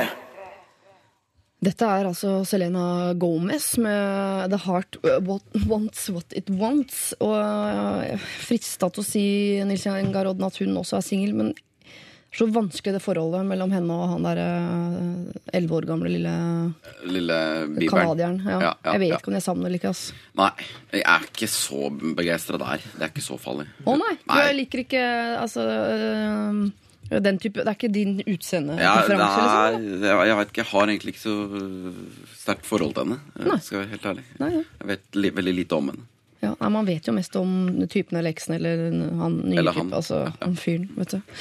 Eh, vi skal eh, Eller jeg har tenkt å spørre dere om en ting. Line Verndal, Hans Olav Brenner og, og Nils Ingar Rodne. Om litt sånn tanker om skryt. Når er det ok å skryte av seg sjøl? Driver dere med det? Eh, Både altså, i virkelig liv, på uh, sosiale medier og det hele tatt. Det virker som folk er så redd for å skryte av ting de gjør. Jeg tror jeg driver med sånn fordekt skryt. Jeg driver sånn slenger ut sånn eh, Da jeg var Hvis du skjønner, så når jeg var nettopp i Sør-Afrika i to uker Hvis du skjønner, Sånn at jeg liksom forteller om ting som er kule. Og så må Ja, folk spør spørre sånn ja, Å, var det Ja, ja. Sør-Afrika? Ja. Ja, Ja, ja, ja, ja, jeg er sånn ambassadør Ja, så skryter jeg egentlig uten at jeg prøver å late som jeg ikke gjør det. Hvis du skjønner? Og det jeg hører er at du har behov for egentlig å skryte av ting i livet ditt, men du tør ikke å gjøre det helt. Nei, nei. Hvorfor ikke det? For eh, Nei. Eh, nei, for det, man har jo jantelov i ryggeraden, har man ikke det? Ja, jeg syns det der Jeg syns ikke det der er så lett, jeg. Fordi at uh, man har lyst til å dele fra livet sitt, men noen ganger så kan jo det oppfattes veldig skrytete. Og de, de sosiale mediene legger jo veldig til rette for snikskryting og skryting. Ja. Uh, så jeg føler noen ganger at jeg må bare si at, det er, at jeg må skrive under at dette er skryting, men her Ja. ja, må jeg faktisk Ja, man unnskylder eller eller Ja, ironiserer man- de gangene Ja, man ja. skryter, ikke sant? Ja. Ja. Men Syns du at folk er for dårlige til det å skryte? Er det ikke, liksom, all- er det ikke så altfor mye av det? Er ikke janteloven liksom helt på vei ut? Og det er, at det er det som er problemet? Ja, nei, jeg synes, eh, Personlig så trykker jeg janteloven ganske hardt til mitt bryst. Eller jeg tror eh, Grunnen til at jeg elsker å bo i Norge, er nå eh, antageligvis janteloven. Jeg kunne aldri bodd i USA. Jeg syns amerikanere er slitsomme folk. Og det er jo fordi de mangler janteloven. Eh, jeg vet at det er flere land enn Amerika og Norge, altså. Det var veldig greit å bruke det som eksempel akkurat nå. Mm. Men de fleste virker som de reagerer når folk. Kanskje ikke så mye på Facebook, sånn, men blitt vant til det. Men folk sier ikke sånn rett ut. Jo, det er jeg god på. Det er en grunn til at man gruer seg til å gå i jobbintervju, for du vet at de der Si tre positive ting om deg selv. Folk syns det er vanskelig. Ja. Mm. For jeg tenker Hvis man skal begynne å si det, da er det jævla stusslig, liksom. Er det det? Men, ja, altså, men jeg skryter nok også litt av meg selv, men jeg prøver liksom å bake det inn med sånn at jeg skal fortelle nå liksom det, det er ikke for å gjøre meg selv interessant, men det er for å fortelle en interessant historie. Altså, det skal liksom representere noe større eller ha en eller annen sånn allmenn verdi. da. Ja. Um, så man får jo sånne teknikker etter hvert for å liksom fremstå spiselig. For det vil man jo. ja. Og så er det veldig uh, Veldig mye skryt er jo veldig relativt, da. Det er på en måte Er du god til Ja, det kommer jo an på hvem du sammenligner med. Altså, og veldig ofte. ja. Men blir dere irritert på andre hvis de sier sånn Ja, jeg, jeg, det er jeg veldig god i. Nei. Ikke i det hele tatt. Jeg Man blir er- litt overrasket, tror jeg. Kanskje jeg blir litt sånn i stuss. Oi. Ja, så hva skal vi med? Det er så bortkasta. Altså, det er mye større fellesskap. Selvironi er jo det beste. Det er jo det vi liker best av alt. Folk som har selvironi. For Ja. da ligger liksom de gode egenskapene implisitt. Vi skjønner å, de har noe å fare med. Mm. Og såpass mye selvtillit at man kan gjøre narr av seg selv. Det er det som er gøy. Ja. Å ja, du er flink til det. Så jævla ålreit, da. Altså, hva skal vi med det? Nei jeg, jeg- nei, jeg vet ikke. Men noen ganger, bare, i og med at behovet fins, som eh, jo, eh, Line jo innrømmer at du har et behov for å skryte eller Ja.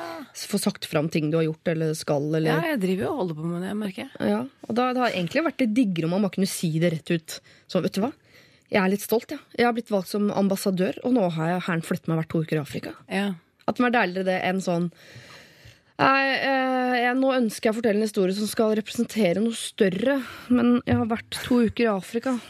Men det syns jeg er det bare- eh, det, det, Man kan skille litt på det som liksom er bare skryting, og det som er liksom eh, Det man er litt sånn stolt av. For det, hvis man, det er en sånn ting som man kan være litt sånn stolt av. Det syns jeg er fint, liksom. Og det syns jeg bare er det synes jeg bare ålreit at man Det er ikke skryt på den måten at jeg er god til det og det. Det er mer sånn Dette har jeg fått lov til å gjøre, Ja. og det setter jeg veldig pris på. Og det, da syns jeg det er fint å dele. Er sånn tilkjempet ydmykhet. Ja, det er også veldig bra. Sånn, jeg har jo vært så heldig å få lov til Ja. Sånn. Men vi har Jo, men gjør det det mest spiselig Ja, vi har skryten er Jo, å vi har jo egentlig ikke så behov for å skryte av oss selv. Vi har jo behov for at andre skal skryte av oss. Og noen ganger så sitter det så langt inne. eh, Så man må liksom hjelpe dem litt, sånn at de skal skjønne hvor bra folk vi er. Det er jo det det handler om. Ja. Ja, det er vel det. Når man skryter, så er det vel egentlig Hvis, andre- hvis alle andre rundt har vært flinke til å skryte av andre mennesker, så hadde man vel ikke sittet med det behovet for å skryte av seg sjøl. Nei, Folk har så tungt for det og er så utrolig selvopptatte, så det blir for lite skryt i omløp. ikke sant? Det er da man kommer i en desperat situasjon at man begynner å fronte seg selv. Ok. Jeg stopper dere der, for nå virker det som vi nærmer oss litt grann løsningen på det neste problemet. Eh, som jo handler i stor grad om skryt. Men jeg syns vi er inne på noe fint når vi snakker om at eh, grunnen til at folk skryter, er fordi ikke andre skryter av hverandre. Så kanskje vi skal bli bedre på det. Vi ser om det kan være løsningen på problemet vi straks skal eh, ta. Men først skal vi høre Blink 182 her i Lørdagsrådet. Dette her er eh, All The Small Things. Lørdagsrådet med Siri Kristiansen. På P3. P3. Blink 182, All the Small Things, eh, hørte vi eh, der. Eh, Jeg sitter her sammen med Hans Majestet Olav Brenner, Nils Ingar Odne, bedre kjent som kanskje Nilsi, eh, og Line Verndal, eh, også kjent som Litt. Jeg har kalt deg for Bakeline nå, jeg syns du kaller deg for oh, ja. Danseline. Ja, nå har jeg blitt danse himmelblåmåret tilbakeline til danseline. Ja. Ja, mhm. Ja, Uh, også, men skal vi si Afrikaline, da? ja, det Korrespondent, eh, ambassadør. Ja. Line Verndal. Ja. Vi snakker jo om skryt, og det mener jeg nemlig er tema for dette problemet vi nå skal ta, selv om ordet skryt vel aldri blir nevnt i mailen. Her står det. Hei. Jeg er ikke særlig populær på skolen, men jeg blir ikke plaga eller noe. Jeg har en god venninne som jeg er mye sammen med. Problemet er at hun er et veldig sånn konkurransemenneske. Hvis jeg f.eks. sier jeg hadde så dårlig tid i dag morges at jeg bare fikk i meg et glass juice, som jeg forresten er imot, for frokost er veldig viktig, står det her. Det er tatt med. Da kan venninnen min si noe sånt som åh, jeg fikk bare i meg et glass vann, jeg. Ja. I starten tenkte jeg at dette er vel tilfeldig, at hun bare fortalte meg sånne ting fordi hun ville skape en samtale, men det skjer hele tiden. Hvis jeg sier at jeg er trøtt fordi jeg øvde mye på prøven, sier hun ja, men jeg var oppe lenger. Hvis jeg sier at jeg har pynta rommet mitt med julepynt, kan hun si at åh, da har du ikke sett mitt rom. Altså, alt jeg sier skal hun. Jeg har aldri påstått at jeg er noe bedre enn henne, så jeg vet ikke hvorfor hun er sånn. Hun kan også finne på å klage over ting som andre har tenkt på som pent, eksempel. Å, herregud, jeg er så sykt tynn, ass. Og når vi skulle ta bilde, sa han eh, bildefyren at jeg har så store øyne at jeg måtte myse. Det var, eh, eh, det var det som fikk bildet til å se rart ut. Jeg har så store øyne, ass. Det er så irriterende å bare få fem pluss. Det er liksom nesten sekser. Tingen er at disse tingene er, det, eh, er egentlig ting hun er litt fornøyd, eh, ufornøyd med selv, tror jeg. Jeg kan jo ikke akkurat si eh, du har ikke så store øyne, eller du er jo ikke så tynn, eller du får ikke så gode karakterer. Så hva skal jeg gjøre? Det er noen ganger gøy å være sammen med dem, men det er vel forståelig at det kan bli litt mye, eller? Det er fælt å si det, men jeg føler at hun tar disse tingene fra meg, fordi jeg er ganske tynn, jeg får gode karakterer, og jeg har store blå øyne. Æsj, rart å si det høyt. Eller skrive det, da. Hva skal jeg gjøre? Hun er den eneste venninnen min på skolen. Jeg har ingen andre å være sammen med. Hilsen meg. Ja. Da går det ikke an å si løp, ta løpefart og kom deg bort. Nei. Nei. Hun skriver ikke noe om alder her, men jeg syns vi vel kan lese mellom linjene at det ikke er snakk om universitet. Hun er vel ganske ung. Ja, Jeg tror vi snakker ungdomsskole, kanskje videregående her. Datteren min har det samme problem på skolen. Det er en jente i klassen som alltid har eh, alt det hun har, ganger fem. Og hun skal Ja. gjøre akkurat det samme som hun skal gjøre. Og så lyver hun, da, selvfølgelig. Eh, Ja. Så jeg, mitt råd er snakk med foreldrene hennes, men det går kanskje ikke. Og du mener at innsenderen her skal gå til foreldrene til venninnen sin og si dattera deres Har det altså, høre. Jo, men det er Altså, jo ja. dette her, da. Ja, og Ja. det er altså så fantastisk irriterende. Ja. Altså, jeg har så stor medfølelse for det. De som alltid skal toppe alle historier. Gud hjelpe meg, det irriterer meg, ass. ja.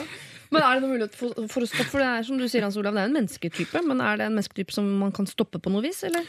Nei, altså, Jeg vet ikke om dette her liksom stammer fra mindreverdighetskomplekset eller overlegenhetsfølelse, eller det er kanskje litt individuelt, men de der folka som bare bruker liksom sånne innspill eh, fra omgivelsene til å fortelle sine egne historier, og aldri liksom gidder å sette seg inn i noe som helst, det er forferdelig tærende og slitsomt. Og alle har vært, eh, vært utsatt eh, for dem. Og er, altså jeg har lite tro på endring der. Altså du kan selvfølgelig ta det opp og si sånn du er veldig selvopptatt, og du er veldig Men jeg tror at dette mennesket har liksom såpass lite følere ute på hvordan verden rundt uh, går for seg. Så jeg, jeg tror ikke på den helt store endringen. Så da må man bare gå for en sånn ja ja. Sånn er hun. Får ikke gjort noe med det. Nei. Ja, men uh, Vi snakket jo om i stad om dette at uh, man skryter av seg selv fordi man ikke får skryt av andre. Jeg syns jeg hører her to jenter eh, som jo er sjalu på hverandre på en eller annen måte, og begge to vil at den andre skal like å, eh, skryte av sitt. Og, så eh, Hun skriver at hun er et konkurransemenneske. Ja jo, men her så hører jeg vel at det er to jenter som konkurrerer litt mot hverandre. Eh, I, og, egentlig, og det jeg er på jakt etter, er kompliment fra den andre på at så tynn du er, eller så store, øh, pene øyne du har. Så stor munn du har! Ja, men uh, bare Det virker som to jenter som driver og drar hverandre ned, og så prøver man å løfte seg selv opp, men egentlig så, så vil man jo at det skal være motsatt. Ja. Det må det vel gå an å snu på en eller annen måte. Ja, hvordan skal man gjøre det, da? Skal man begynne å skryte av hverandre, da? Eller, Ja. eh, ja. Er det ikke det man skal, da? Jo, det vil jo øh, kanskje være være bedre. Det, vet jeg, det er jeg litt usikker på, faktisk. Om, er det egentlig bedre? For det blir jo veldig mye opp Det blir opphaussing av hverandre, da. Ja. Veldig, liksom. Eh, som om de to er noe bedre enn hele resten av skolen. Og det er de jo heller ikke, Nei, det kan jo hende, altså Det er jo en litt sånn eh, fin eh, vri på Hvis det er en dynamikk mellom de to som er liksom problematisk, de misunner hverandre, de har lyst til, altså alle har lyst til å bygge opp et positivt selvbilde, og sånn, og en liten prat kunne avgjøre at ja, fader, vi er ganske bra begge to, og vi kan legge hele den konkurransegreia til side. Hvis det er tilfellet, så er jo ingenting bedre. Da har jeg virkelig tro på en sånn oppklarende prat. Men hvis hun er en sånn serieselvskryter, hun venninnen som bruker enhver anledning og uansett hvem hun møter, til å, å kjøre dette liksom selviscenesettelsesprosjektet, hvor hun nesten ikke legger merke til hvem hun uh, snakker med i sin egen selvnytelse, så er det verre, tror jeg. Men Ja. hvis det er en sånn litt lite konstruktiv dynamikk mellom dem, så er det håp. Men tror du ikke at hennes behov for å skryte av seg selv forsvinner litt hvis hun får skryt fra andre? da? Hvis uh, innsenderen ser sånn Oi, du har veldig store, pene øyne på det bildet. Så ikke hennes behov for å si sånn Herregud, jeg har så store øyne på bildet at jeg må myse for at det skal bli Jeg tror liksom hennes behov for å skryte forsvinner litt. Ja, men er ikke det ganske sånne mye padder i munnen hvis du blir nødt til å Åh, nå må jeg skryte av henne. Eh, så store, pene øyne du har. Du, det, det, det er jo veldig slitsomt. Ja, å gå du er og så tynn, altså. på det hele tiden. Det, jeg synes du er så, nå er du så tynn du har blitt, nå må du Ja. spise. Eh, det er veldig slitsomt å måtte gå Så rundt hver gang vi skal møte henne, så må hun tenke ut noe om jeg har et kompliment å komme med. Det Så blir fine også klær slitsomt. du hadde i dag. Ja, Men da må man velge. Vil man ha en padde i munnen, eller vil man gå og, og irritere seg helt sykt over sin eneste venninne på skolen hver eneste dag? Det er i hvert fall verdt å teste det. Altså, for det kan jo hende at hun liksom bare Oi, det hele dette greiene punkterer så fort hun får ros. Det kan hende. Ja. Ros kan være mirakuløst. Eh, Så hun bør jo prøve det. Ja. Hvis hun blir kvalm av seg selv og ingen endring skjer, så må hun jo slutte neste dag. Ja. Men, men det er absolutt verdt et forsøk. Men Går det an å skryte, men med en nedtoning fra det selvskryt som har kommet? Hvis hun, hun sier til sånn 'Å, jeg er så sykt tynn, ass!' Så kan du si, heller gi komplimenter sånn ja, 'Du er slank og fin', på en måte. At kan, det er jo egentlig Da har hun jo sagt at hun ikke er så tynn som hun sier selv, men det er fortsatt et kompliment. Men i, i retning av noe jordnært. Skjønner du hva jeg mener? Ja, ja, Absolutt. Jeg bare fornemmer at hun kommer liksom ikke gjennom her.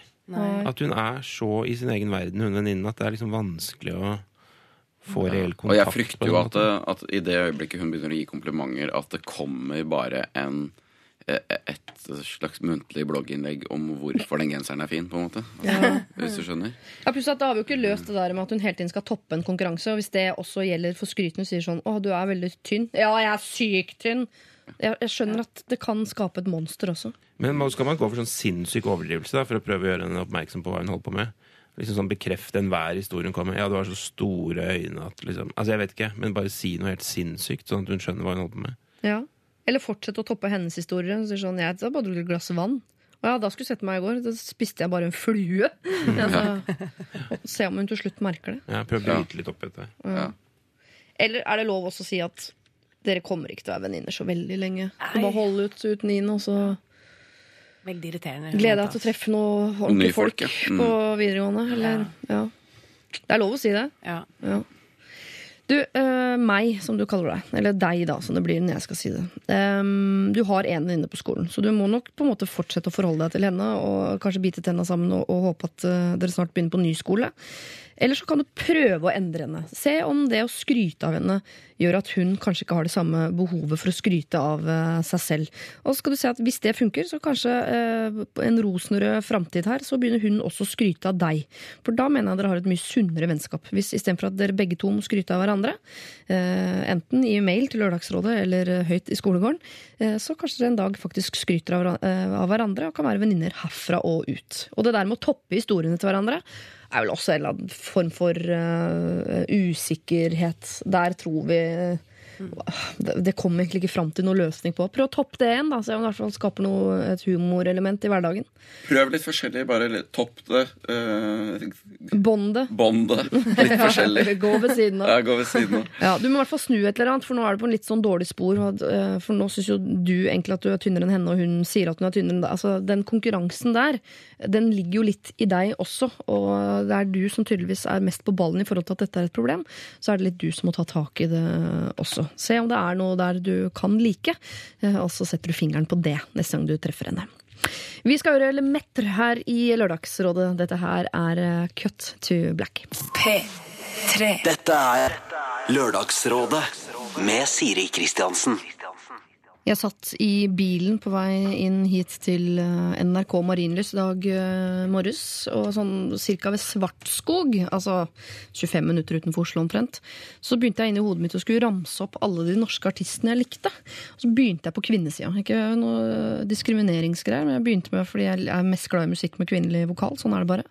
Og begynte å ramse opp Susanne Sundfør, eh, Wroldsen Altså jeg gikk liksom gjennom alle eh, kvinnelige norske artistene jeg likte. Ine Hoem, som vi hørte her, med This Year. Og når jeg kom fram til Oslo, altså 25 minutter seinere, da hadde jeg gått over på gutter også, da, da begynte jeg å blande sønnen, eh, det er jo alltid deilig, eh, så hadde, så hadde jeg ikke runda bordet. Altså, det var fortsatt, sånn, jeg parkerte utenfor her i dag morges, gikk jeg fortsatt, sto i heisen oppgitt, bare sånn Ja, ja, ja, ja, ja, herregud, ikke glem Røyksopp, da, de er jo norske. Altså, jeg hadde sånn, merket sånn Oi, jeg har kanskje 100 artister som jeg liker godt, som er fra Norge. Jeg ble så stolt at jeg hadde lyst til å gå og legge meg på parkeringsplassen og lage snøengler og være sånn eh, ekkel patriot utenfor bygget her. Ah, det er gøy. Ine Hoem, altså, med This Year. eh, var det vi hørte. Det kan hende det har sneket seg inn noen svenske artister også på den lista, som jeg glemmer at det er svenske. Ah, Veronica Maggio og sånne type ting. Ok, eh, vi skal snakke om en norsk artist. Eh, eh, og det er ikke hvem som helst altså heller. Jeg går ut fra at eh, alle her vet hvem Magdi er fra Carpe Diem. Mm. Magdi trenger litt råd av oss. Han har ikke bedt om det selv, men han gjør det. Han har blitt tvillingpappa. eh, nå nylig. Fått to små babyer eh, sammen med sin kone Oda. Og da tenker jeg din er tøff. Få to tvillinger, liksom, og du er artist. Det vil si du er mye på veien. Kona er mye hjemme med ikke ett barn, men med to, osv. Og, og som eh, eh, forkjemper for kjærligheten, som jo Lørdagsrådet er, da, så tenkte jeg vi skulle gi Magdi noen råd på hvordan han skal klare å beholde Altså, øh, hvordan skal han beholde de som par oppi den suppa der? Begynn du, Nils Ingar. Som ikke har noe erfaring med dette i det Ja. hele tatt. Og så kan Hans Olav ta over, ikke sant? Ja, ikke sant? Eh, altså, de må jo bare eh, Jeg har jo hørt det, at det å få tvillinger, det er ikke bare bare. Det er jo, eh, jeg har masse venner som får barn, og alle har bare sånn "Fy, Det er veldig, veldig Hans Olav også i stad, når du kom hit, det er veldig, veldig slitsomt. Og her får de to, ikke sant? Ja. På én gang. Så er det to stykker. Det høres jo dobbelt slitsomt ut. Ja, det tror jeg det er. Ja, det tror jeg også det er. Så de må jo uh, huske på hverandre oppi det. Ja. Uh, og hvordan skal man, i all verden skal man gjøre det? Ja, nei, jeg vet ikke. Det er lett å si. Altså bevare hverandre som par Altså, vi er ikke der, tenker jeg. Vi er ikke der, nei. Altså, du mener det går ikke? Man må bare Jo, selvfølgelig, men det er ikke der. Altså, det har sånne illusjoner om at man skal liksom ha et Altså, altså dette er jo på en måte en slags eh, Ikke krigstilstand, men det er på en måte Det er, det er helt vilt å få tvilling. Særlig hvis han har en slags idé om at han skal ut på veien samtidig. Ja, Jeg har ikke gått inn turnéplanen hans, men jeg tenker at han skal, går jo ikke over til å bli eh, hobbygartner. Han skal vel fortsette Nei, ikke sant? Og det der er jo bare Tvillinger er jo helt vilt. Eh, altså, de, de hyler på likt, og de, når den ene sovner, så vekkes den av den andre. Altså, det, det- her, er det, her, må det, her må det leies inn folk. Eh, eh, Ja. Au pairs er jo litt sånn belasta, selvfølgelig, men, men altså her, noe på timebasis. Eh, eh, må få inn folk på timebasis. Ja. Ja. Må leie inn altså, folk til å ta tvillingene, og så bruke den tida til pleiekjærligheten? kjærligheten, eller er det da man går og sover? Ja, du kan ikke, du kan ikke liksom le, altså, Jeg leser jo sånne samlivsspalter, så, så står det nå er det veldig populært å skrive at, uh, at du må ikke ha sånn illusjon om at man skal pleie omgang med sin kjære liksom på si som et sånn parallelt prosjekt. Nei. Det må liksom skje innenfor uh, familiesammenhengen. Vise at man er glad i hverandre, kysse, være hengiven sånn. Så får barna et sånn veldig godt eh, bilde av et positivt parforhold. Da. Mm. Så det er selvfølgelig oppnåelig hvis man har liksom, mentalt overskudd og eh, blidhet til å opptre på den måten. Ja. Men, eh, men det der er krevende materie. Altså. Ja. Jeg tenker at han må, jo, han må jo sørge for å være der så mye som mulig. Eh, jeg tror heller ikke dere pleier kjærligheten. eh, Det tror jeg ikke man har overskudd til så voldsomt. Men man må i hvert fall prøve å være sammen om det. da At ikke hun Men hva blir legger dere i å pleie kjærligheten, siden dere, det, dere begge, både Hans Olav og Linn, dere med at det, det orker man ikke? Jeg snakker ikke om at man skal montere opp liksom knullehuska og, og, og kjøre showet, men Det er sånn langsom huske som dobbeltmassasje, vel, som er å pleie kjærligheten. Man har vel tid til å liksom uh, kysse når man går, og, eh, når man kommer hjem fra arbeid, f.eks. Ja, så man har realistiske mål der. Ja. Men å være litt fysisk mot hverandre når den ene står på kjøkkenet og holder på med noe, så kommer man og liksom og gir en klem. At man er liksom sånn eh, fysiske sammen, da. Det, er jo, det har man jo tid til. Ja. Eh, og så må man jo dele på alle oppgaver, altså. For jeg er redd for at hvis han stikker Han må ikke stikke av. Han, må ikke, er han, må, han kan ikke punktet, drive og være altfor langt unna og turnere for mye, altså. Nei, kan ikke dra på I turné hvert fall ikke før det har stabilisert seg kanskje bitte lite grann. Ja. Og så må man ty til familien sin, må man ikke det? Må man spørre om hjelp? Man må spørre om Bruke hjelp, ja. mutter'n, liksom. Mm. Ja. Ja, ja. jeg tror det er, eh, det er et veldig konkret råd. da. Ikke dra på turné, Magdi. Eh, si fra til manageren din om det. Det blir ikke noe turné nå sånn helt på det første. Det deilige er jo at de to barna her blir jo store samtidig, og så er du på en måte ferdig hvis du er en del av den eh, kone og to barn-delen av Norge, som jo de fleste virker som de har en del av. Jeg trodde du skulle si noe at de blir store samtidig, så da kan de danne Carpe Diem 2. Å, det hadde vært deilig. hiphop-duo. Eh, Kanskje de kan starte et nytt band med, eh, en, en, med en kulere navn da, enn Carpe Diem, som jo er Carpe Diems eneste problem, egentlig. Eh, og så må dere eh, kysse med hverandre, eh, på hverandre, eh, sånn som jeg regner med dere i hvert fall pleide før. Det må dere fortsette med. Eh, og så har jeg et, eh, et tips som jeg jo, eh, gjorde gjennom hele småbarnstilværelsen, som egentlig ikke gagnet lokføreren noe sånn voldsomt, men hver eneste kveld når jeg la eh, sønnen, eller de kveldene hvor jeg la sønnen min, da, så sa jeg alltid eh, Mamma elsker deg, pappa elsker deg, og mamma og pappa elsker hverandre. Og det, jeg, det sier jeg fortsatt de gangene jeg legger an. Uansett om jeg eh, et kvarter tidligere har tuppa lokføreren i nyra fordi han irriterer meg, eksempel, så sier jeg til eh, vår sønn mamma og pappa elsker hverandre. Det sier jeg nesten hver dag. Uansett. Og det tror jeg er bare litt sånn forsonende mentalt. Du trenger ikke å si det til dama di hele tiden, bare si det til deg selv. 'Jeg elsker kjæresten min'. Bare få det inn som en mantra i ditt eget hode. For da uh, en dag tror du på det. Men, Og eh, kanskje du en dag gjør det. Det er helt sykt jeg, jeg kom på nå at jeg har lest uh, som jeg syns var veldig veldig fint i boka til Carpe Diem, som heter Ja. 'Dødtid'. Som er en fotobok fra en fotograf som fulgte på turné, hvor de har skrevet hver sine historier ved siden av. Um, der skriver Chirag et veldig fint, uh, som jo er den han andre, Ja. Uh, om at folk har sagt til han at du, må ikke bli, du kan ikke bli sammen Fa- Faen, jeg er singel, eller det vet jeg ikke nå, men i hvert fall det da. Um, du kan ikke bli sammen med en fan. Uh, hvor han, hvorfor kan jeg ikke bli sammen fan? Hvor han skriver en historie om at uh, hun, dama til Magdi var på konsert på Rockefeller og sto på første rad og jubla og bare Jeg elsker Carpe Diem, liksom. Ja. Det synes jeg var så kult. Er ikke det verdens beste kjæreste? Man skal jo være fan av hverandre. Det er ikke sant? poenget. Det er det som er hele poenget. Men det er ofte at man er litt sånn, sånn blyg på det å stå bakerst og sånn. Nei, det var ikke så viktig. Men det, er, det var så fint. Det er så hengivende. Ja. Så eh, fortsett å være fan av hverandre. Er Ja. det et råd du vil legge til? Ja, det er et råd jeg vil legge til. Vær fan av hverandre. Vær fan av hverandre. Dette skal jeg eh, klippe ut, lime sammen, eh, legge på noe romantisk underlag. Kanskje den derre flørtlåta til eh, Lille Philip og Sandra Lyng Haugen. Den er ganske romantisk. Og så skal jeg sende det til Magdi som en slags sånn barselgave fra Lørdagsrådet. Det tror jeg blir fint. Få med en kopp og noe greier. Vi skal høre Heroes vi er her nå med Alessio og Tove Lo, og fortsett å sende inn problemer til oss. Eh, Det er eh, mail som gjelder. lralfakrøll.nrk.no. P3. Dette er Lørdagsrådet På P3. P3 Rihanna lar seg inspirere av Michael Jackson i denne Don't Stop The Music, som vi akkurat har eh, hørt. Og før det var det altså Klisj med sin hangups. Eh, Line Verndal, Hans Olav Brenner og Nils Ingar Odne, vi skal ta eh, juleproblem nummer to eh, i dag. Uh, det, blir dere liksom, er det, det er ikke sånn at dere blir lei av jula før jul, for det er ikke min intensjon. Neida. Det går bra for min del. Måte. Bra. Hei, Lørdagsrådet. For å fatte meg kortet først.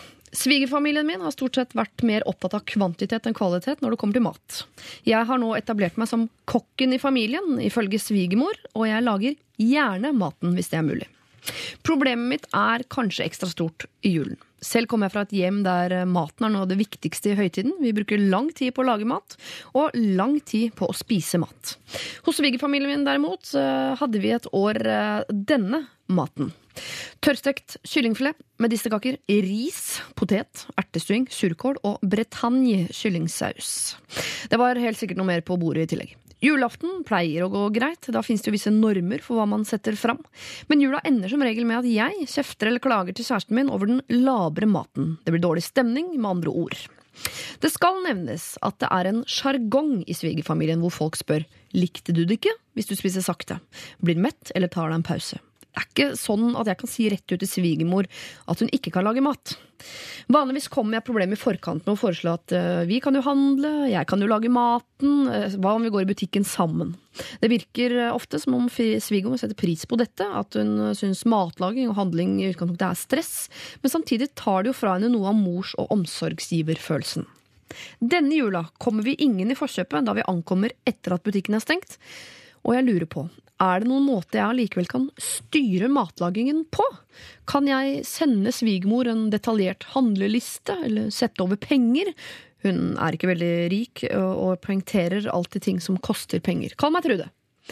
Litt delt problem, dette. Hun har jo tydeligvis litt problem med at svigerfamilien har et annet forhold til mat enn henne. Den skal bare ned, og det er litt samme hva det er, og det er ikke spesielt godt. Selv er hun jo opptatt av mat, og lurer på om hun kan legge liksom fjernregi på julaften, hvor hun jo i utgangspunktet er en gjest.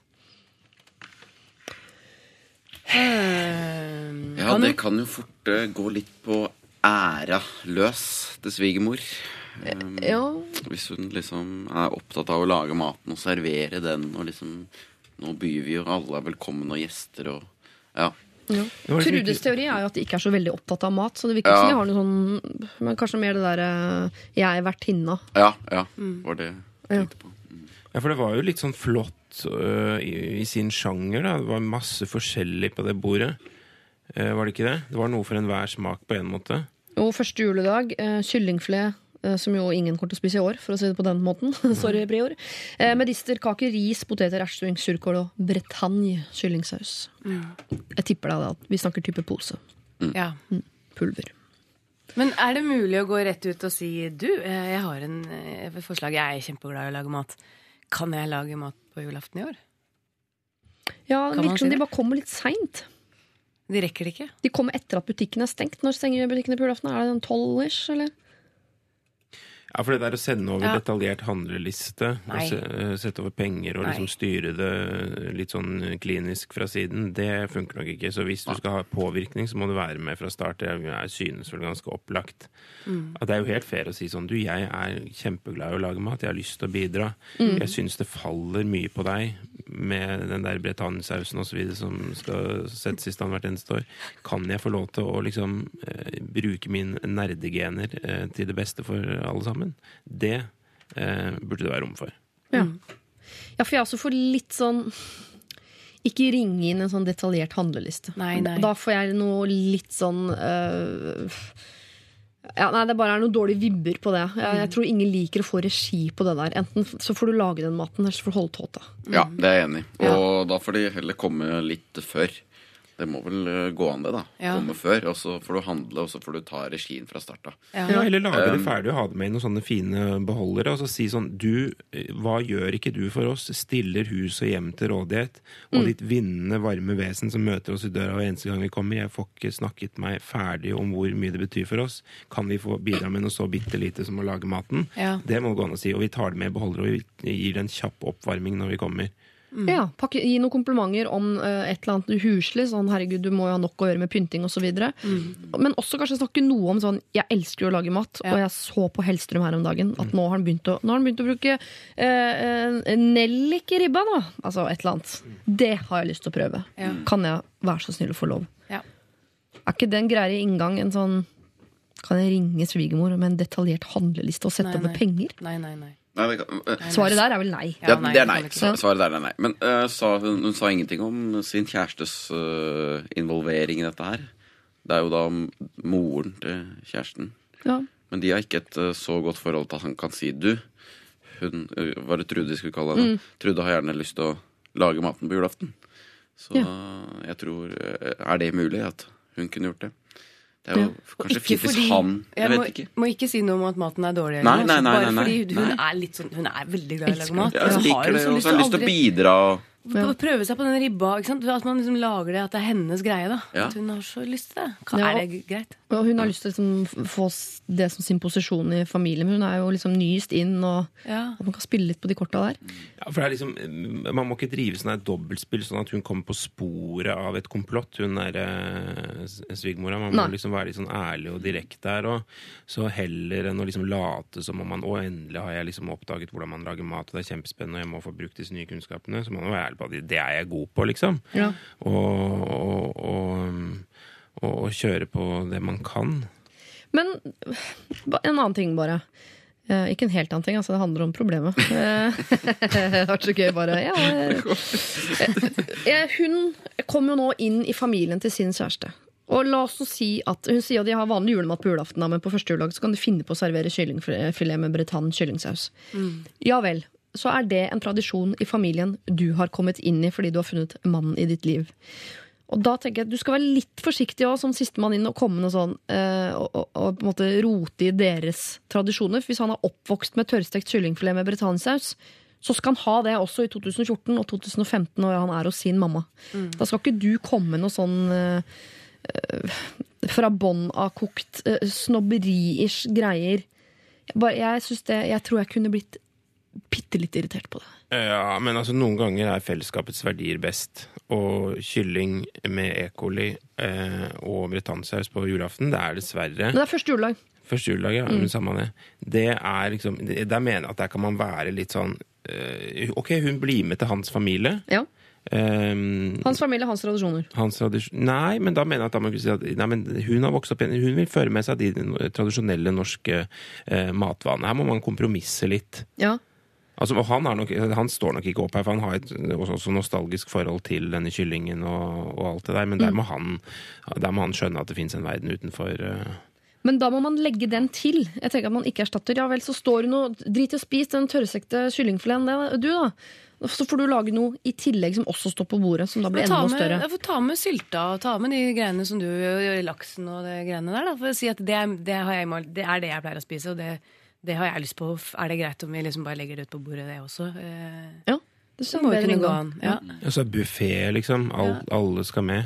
Alle skal med. Ja, ja. Det er julens budskap, da. Det står allerede både ris og potet, så hvorfor ikke liksom klinke til med enda flere ting? Mm.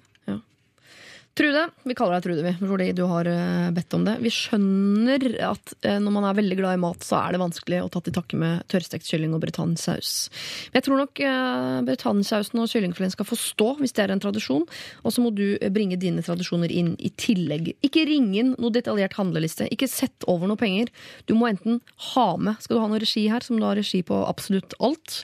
Og det må komme fra et litt sånn ydmykt eh, sted. Eh, ikke, liksom, ikke komme inn som en sånn juletyrann som skal bare helle sine tradisjoner over en, eh, en familie som koser seg med kvantitet eh, heller enn kvalitet i jula. Det kan bare oppfattes litt feil, tror jeg, da. Men uh, du skal få lov til å ha med deg dine smaksløker. Men da må du også ha med mat som pleaser disse løkene midt oppi det hele. Eh, god jul, er jeg frista til å si, faktisk. Lykke til. Lykke til! Det er alltid vanskelig å være sistemann inn i en uh, familie, og du trenger ikke å gjøre det noe vanskeligere enn det er, faktisk. Dette her er Nico Vince, 'When the Day Comes'. Du hører i uh, bakgrunnen her i eh, NRK P3, eh, Lørdagsrådet. Dette er Lørdagsrådet På P3. P3. Nico Avins med sin When the Day Comes her i Lørdagsrådet. Jeg sitter her nå med eh, min egen app foran meg. Det føles så eh, veldig lite jantelovsk her jeg sitter med et bilde av meg selv på min egen mobil med overskriften Lørdagsrådet Ekspress. Det er en slags app, altså en litt sånn eh, variant av eh, app utenfor appsystemet. Altså den fins ikke i AppStore. Det er så mye søknader og piss, vi orka ikke det. Du kan gå inn på uh, nrk.no Nei, det er p3.no skråstrek ekspress. Og så kan du laste ned denne uh, slags appen til en hjemskjerm, og så fungerer den som en app. Derfor bruker jeg ordet app. Ja. Ganske mange ganger, faktisk. har jeg gjort det nå. Eh, Her kan man få kjappe svar på avgjørelser man trenger å ta i livet sitt. Og man har kanskje ikke tid til å formulere en hel mail, eh, sende den inn, vente til neste lørdag osv. Man må ha svar med en gang. Eh, Det gjelder også våre rådgivere ganske ofte. så Derfor så gir vi dere anledningen til å få, ikke bare gi, men få her hos oss.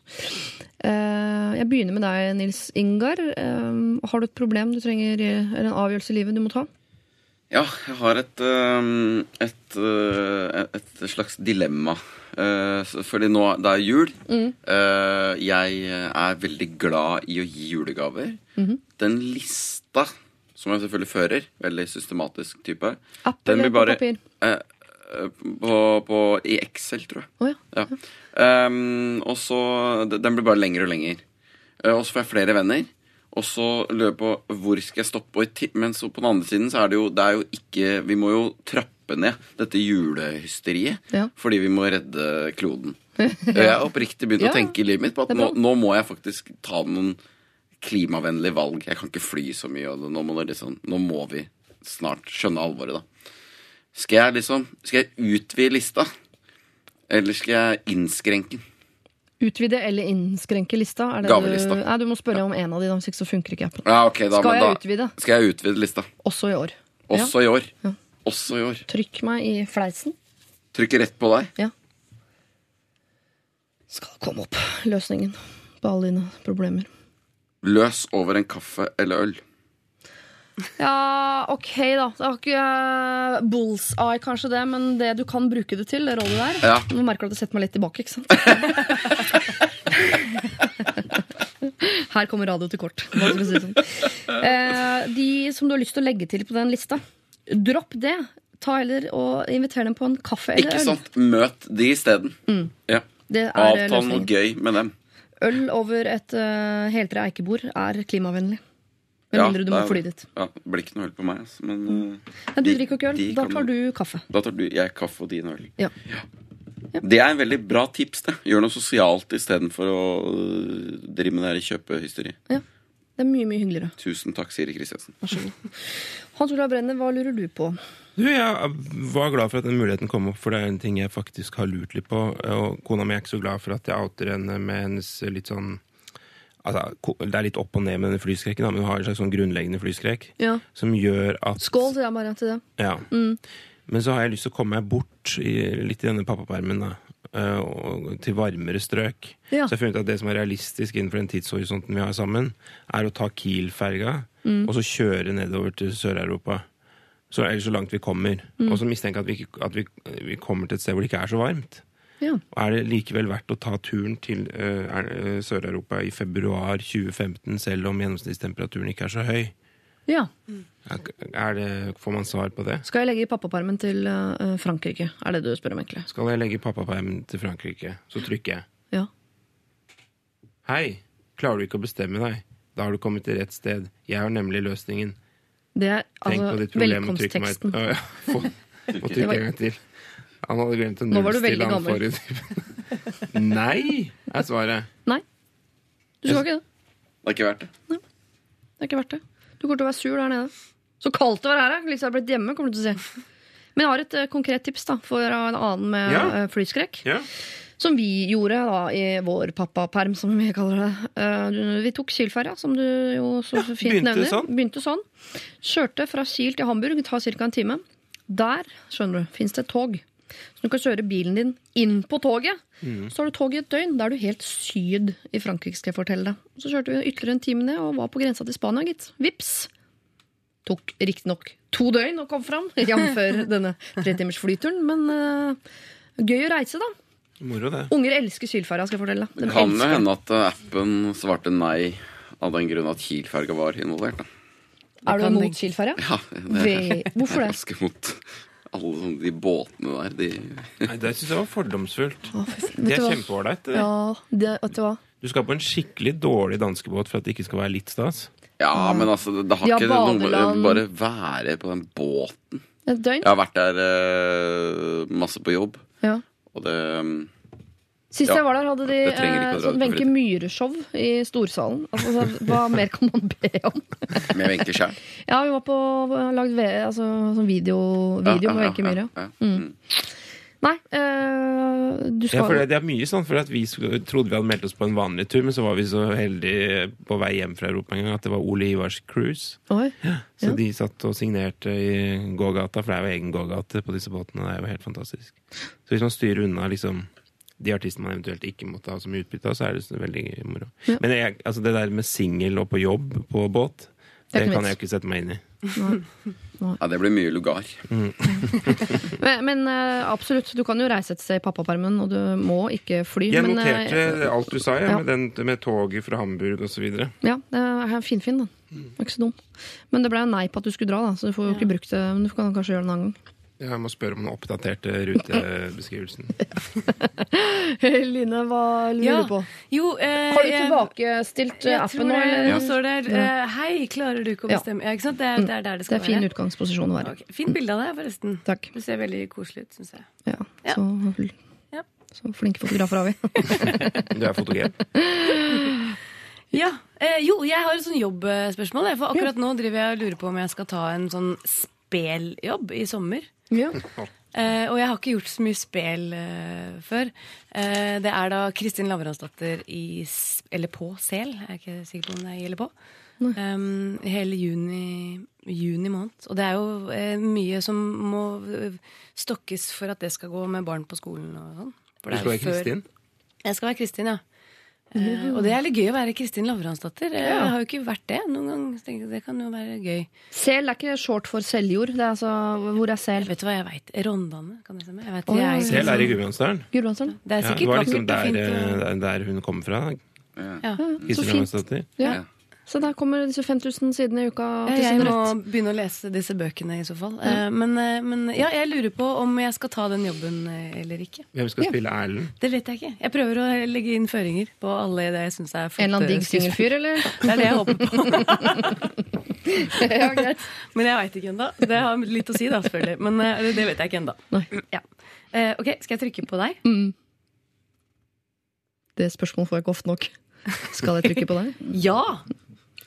Det står bare ja. Så enkle svar dere får. Og du har sånne fine tegn med hendene dine og sånn. Eh, Ja. Ja. Ja, Jeg er eh, enig med appen. ass. Jeg skal Ja. gjøre det. Ja, Ja, det skal da, da må jeg det, da. En sommer i sel det høres jo helt Ja, det er sikkert strålende superfint. Ja. Det er jo Jeg hadde mye heller dratt til sel enn dratt med Kiel-fergen. Ja, ikke sant? Og Kiel. Altså, Kristin Lavransdatter, kan man si nei til det, liksom? Nei, Man kan jo egentlig ikke det det. som kvinnelig skuespiller. Jeg begynner å bli for gammel òg. Jeg må gjøre det nå. Liksom, Og så jeg- begynner vel skoleferien midt i juni en gang. Kan jo dattera komme til sel. Ja, jeg må liksom prøve å få ordna det. på eller Neste år får du tilbud om å spille mora, liksom. Så du må jo Ja, det er det. Det er det, Det er Det er eh, siste verset her nå, så jeg må bare gjøre det. Og jeg tror Forrige gang du var her, Line, så spurte du Da hadde vi ikke fått appen nå, men da spurte du jo eh, på en måte generatoren bak appen, som jo er meg, om du skulle si ja eller nei til Skal vi danse. Ja, Da sa jo jeg ja til det. Det syns Ja. jeg du skal. Det har du kred nok til å gjøre uten å liksom miste det helt. Ja. Og nå, Man mister jo litt grann kred. Ja, man på gjør det, man men du det. kan jo reise kjerringa noe så innmari med å være på Kristin Lavransdatter. da. ja det er bra. Da er vi det er tilbake langt på i null pluss. og kanskje Det er ikke det. ja, over i pluss igjen. Ja. Altså. Ja. Det blir Kristin Lavransdatter til sommeren, da. Ja, ok, greit. Og så Du finner har vi en sånn det Det blir bra. overgått sånn karrieremessig. Ja. Absolutt. Og så finner vi en singel uh, hunk av en skuespiller til å spille det. Erlend. Ja. Ja. Har du noen forslag? Nilsi, har du gått på noe Gikk du på Romerike, eller åssen er det? Jeg har ikke det, men går vel an å ta noen crackskurs før sommeren. Du har et brevkurs i skuespillerteknikk. Ok, Jeg gleder meg til å høre, øh, øh, oppfølginga på dette her. Og gleder meg til å stille øh, dette sivilstatusspørsmålet som gjør åpningen sånn i august, når du er tilbake. Vi skal høre Susanne Sundfør, vi, som jo øh, P3 og det norske folk er ekstremt glad i. Hun fremførte denne låta på P3 Gull. Fadeaway heter den, og du får den her i altså radioversjon. Dette er Lørdagsrådet På P3. P3. Mikael Paskalev med sin I Spy fikk vi eh, der, og før det Susanne Sundfør med Fade Away. Vi skal ta et eh, problem, et litt kort problem her, som eh, to av fire har alle mulige forutsetninger for å kunne sette seg inn i. De to andre vil på en måte bare eh, skulle kunne leve seg inn i det. Feil kjønn. Eh, kan være løsningen. Hei, Lørdagsrådet. Jeg er gravid. Ca. fem måneder på vei. Min mage har begynt å bli større, og graviditeten er ingen hemmelighet lenger. Det snakkes en del om dette på jobben. Kollegaene mine spør en del spørsmål om svangerskapet, og dette er jo hyggelig. Det er imidlertid når de tar seg friheter, spontant og uoppfordret, til å ta på magen, som oppleves ganske unaturlig, og at de bryter min intime grense. Har to spørsmål. Er det allment akseptert å ta på gravide kvinners mage for andre enn umiddelbar familie? Og hvordan skal man gå frem for å formidle på en pen måte at dette er ikke greit? Kan legge til at jeg ikke har jobbet der så lenge, og føler eh, eh, at jeg ikke kjenner disse kollegaene så godt. Hilsen frustrert gravid. Oi. Det er liksom veldig gråsone i tafsekomplekset, dette her. Ja, Eh, men det er liksom Det er ikke allment akseptert å ta gravide på magen, og det er allment akseptert å ta gravide på magen. Altså, Man bør selvfølgelig ikke gjøre det, men det er Altså det er, jeg, jeg har jo sett gravide kvinner på nært hold, og jeg ser hvordan de, når de blir gravide, plutselig går inn i en sånn slags sånn der fellesskapsgreie. Hvor det er liksom Å ja, moder jord, det er våre alles barn. Altså, det er noe som inntreffer der. ja, Som er eh, hinsides min logiske evne, i hvert fall. ja. Så jeg ser, det praktiseres helt voldsomt mye. Jeg har bare sett folk litt sånn halvkjente komme og liksom klappe kona mi repetitivt på magen liksom, når hun er gravid. Var hun komfortabel med det? Litt både òg. Spørs litt hvem du var. Ja. Altså hvor de var eksempel i Liksom i hierarkiet på jobben og sånn i forhold til henne, kanskje. Litt sånn. Men, eh, ja. ja. men, men altså, ja. Det, det gjøres i hvert fall mye. Men har ikke dere blitt tafset på i, som Jeg, jeg ble ikke tafset så mye på. Jeg. jeg tror ikke folk tafser på meg. Jeg tror ikke jeg sender sånne tafsesignaler. Jeg vet ikke. Skål. Det tror jeg ikke kona mi gjør heller. Bare så det er sagt. Ah, det er nok det som er riktig på byen. Nei, ja. Jeg hadde brakt henne inn i det, så måtte jeg liksom eh, Men jeg tafser ikke selv heller på gravides mage. Da, da spør jeg kan jeg få lov til å Kjenne. Eh, Men jeg pleier sjelden å gjøre det heller. Men jeg er ikke så veldig opptatt Jeg er ikke så veldig sånn glad i sånn gravide greier sånn generelt. Jeg syns ikke det var noe gøy å være gravid. Jeg var liksom ikke noe Nei. Jeg var ikke med i det fellesskapet du snakker om, da. Um, Men det er sånn man liker gravid med å tafse dem på magen. Altså, Ja. Det har Ja. forandret seg litt siden du var gravid, tenker jeg. Ja, det har kanskje blitt Jeg føler det, for det, det er jo bare et uh, Er det liksom en slags bare en kompliment og en anerkjennelse at jeg er spent på dine vegne? For det er jo ikke noe umiddelbar grunn til å ta på ta andres på mager. andres mager. Nei. Det er jo ikke sånn du skal ta ganske lenge før du kjenner noe sparking og sånn. Bare litt stryking. Det er jo bare Ja, for der med en gang du sparker, en- ja. da er gravide veldig til å bjuda på. Da, Ja. er det liksom, da Ja. skal du ikke være eh, mange rom unna før du blir omtrent eh, som eh, headhuntet inn for å kjenne. Som jeg tenker sånn Ja, jo, takk for muligheten, men uh, jeg er ikke så Jeg syns det er rart at folk har et behov for å kjenne på andres mage, men jeg tror det er en usikkerhet sånn Man vet ikke helt hva man skal si. Altså, det er jo bare å si Nei. gratulerer, men det er noe som er sånn jeg bare, Det er en sånn klønete manøver, tenker jeg. jeg man bare, liksom jeg har gjort det, jeg har gjort det sjæl, på en måte, av den grunn. At jeg anerkjenner. Men da spør jeg først, da. Hvis det er gode venner nære. Men jeg har det som med babyer òg, så jeg har ikke så innmari lyst til å plukke opp de heller. egentlig Men jeg føler at jeg må liksom se på og si noe sånn med sånne små babyer.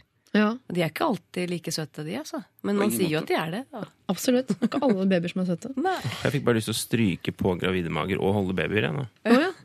Så fin Så du er. bra. Du er jo der. Så det er jo Men jeg, her, innsender her ønsker jo ikke at folk på jobben skal ta henne på magen. Og det er jo ikke hvor, eh, Hvordan skal man få sagt fram det? For det er det som er så frustrerende med det. At du kan ikke si fra én gang heller, for neste gang er en, en Da har du sagt fra til én, da. Men er, det er noen millioner mennesker igjen du ikke har sagt fra til, og du kan ikke gå med plakat. Du kan nesten ikke si fra, kan man det? Eh, Du, ikke ta på magen min. Det, kan, kan man det? Men Så altså- er man litt sånn geipete av den grunn. da blir man Ja, Ja. det, er, det, er, det er vanskelig. Men jeg har blitt veldig eh, forsiktig på det med intimsone. For jeg var i en eller annen sånn setting med, eh, hvor jeg hadde vært i et eh, intervju, og så sto liksom alle som var involvert på rekke og rad og ga varme De fire som sto liksom og skulle gi meg en klem, og de tre første ga varme klemmer.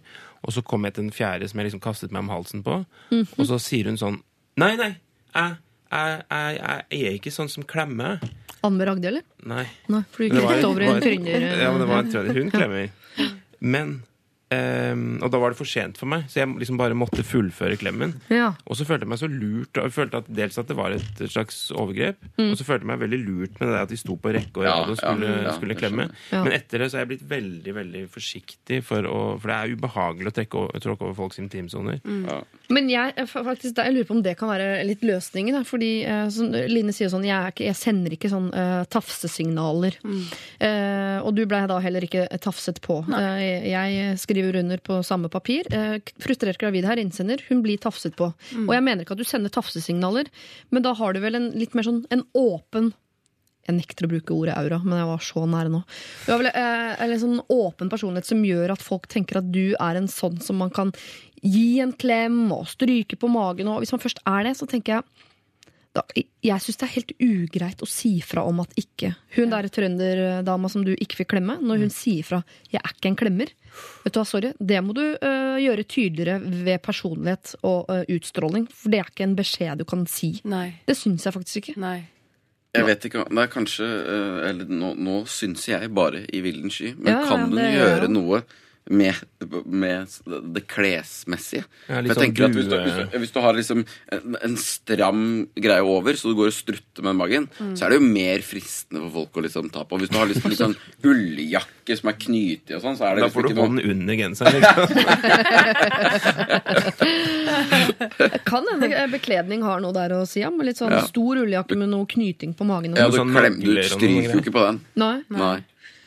nei. Ja, øh, for all del. Det er jo et vinter, det er en vinterløsning, da. Det er verdt å teste det. Men det fins sikkert noen sånn. T-skjorte med påskrift 'Don't touch me' eller noe sånt. Helt sikkert. Som man kan få tak i på nettet. Ja, da det tror jeg nesten det fungerer motsatt. Morsom T-skjorte, og så tar du overalt. Kjempegøy. Ja. Men jeg ville ikke turt, for eksempel, hvis du var gravid, så ville ikke jeg turt å begynne å kose deg på magen. Sånn på, Nei, ikke sant? Nei. Eh, for du utstråler ikke at du vil ha den eh, Det er helt riktig, det. Ja, man, den, hvis enten har den utstrålinga eller ikke, og hvis ikke man har den, så tror jeg ikke man er så tjent med å si fra om det. Fordi, hvordan reagerte du på hun dama? Altså, du måtte jo fullføre kosen, men tenkte du ikke liksom Å ja, dust, nå ble det jo kleint for meg. Ja. Ja, jeg, først så skammet jeg meg lenge. Ja. Og følte meg som en sånn idiot. Og var, jeg evaluerte tungt meg selv. Er jeg, liksom, er jeg blitt for mye sånn jovial klemmer, liksom? Ja. Og så ble jeg sint. Og så gråt jeg. Og så, Nei. nei det ikke. Men jeg gikk gjennom alle liksom, sorgreaksjonens stadier. da. Ja. Og det syns jeg innsenderen kan være klar over. At øh, hvis du skal gå sånn og si Det er vel ikke folk flest sitt problem at du har en utydelig intimgrense. Jeg bare Ja, men jeg, jeg velger alltid eh, å ha det, eh, sørge for at det er hyggelig sosialt framfor mine egne ønsker, egentlig, for å være helt ærlig. Ja. Uh, jeg, jeg er opptatt av at Jeg hadde aldri sagt uh, 'jeg er ikke en klemmer', for da er jeg viktigere enn deg, og jeg er viktigere enn den sosiale settingen. Er du ikke en klemmer? Eh, jo, jeg er en klemmer. Jeg ga deg en klem.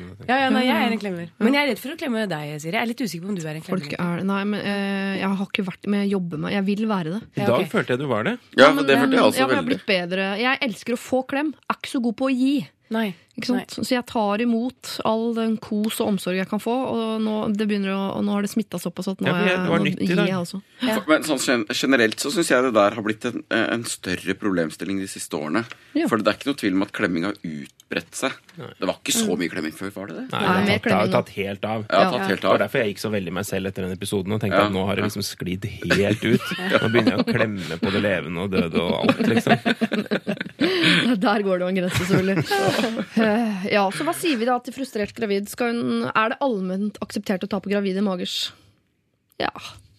Er det ikke litt det, da? Jeg tror det er mange gravide som er, befinner seg i sånn en mellomposisjon. De utstråler ikke aktivt at de vil ha klemmer, men de utstråler ikke aktivt at de ikke er typen heller. Det er liksom litt sånn limbo hvor folk tar seg til rette. Eh, ikke noe idé å, å si fra, men være, hvis du ser disse klemmerne komme eh, marsjerende mot deg, liksom, så kan det jo bli å Knyter du strikkejakka litt? Uh, Ja. ja. Jeg tror, Ja, da går jeg tror de jobber med utstrålinga, og hvis det er sånn at folk misoppfatter signalene dine og rett og slett tar seg den friheten og stryker deg litt på magen, selv om det er litt eh, utenfor din intime eh, grense, eh, så får du heller bite det litt av det. Altså. Dette har jo en utløpsdato, dette problemet, og eh, jeg tror du bare gjør det vanskelig for deg sjøl med å være hun som sier ifra. Da blir det vanskelig for andre, og så får du et annet uttrykk hengende ved deg som varer lenger enn de ni månedene.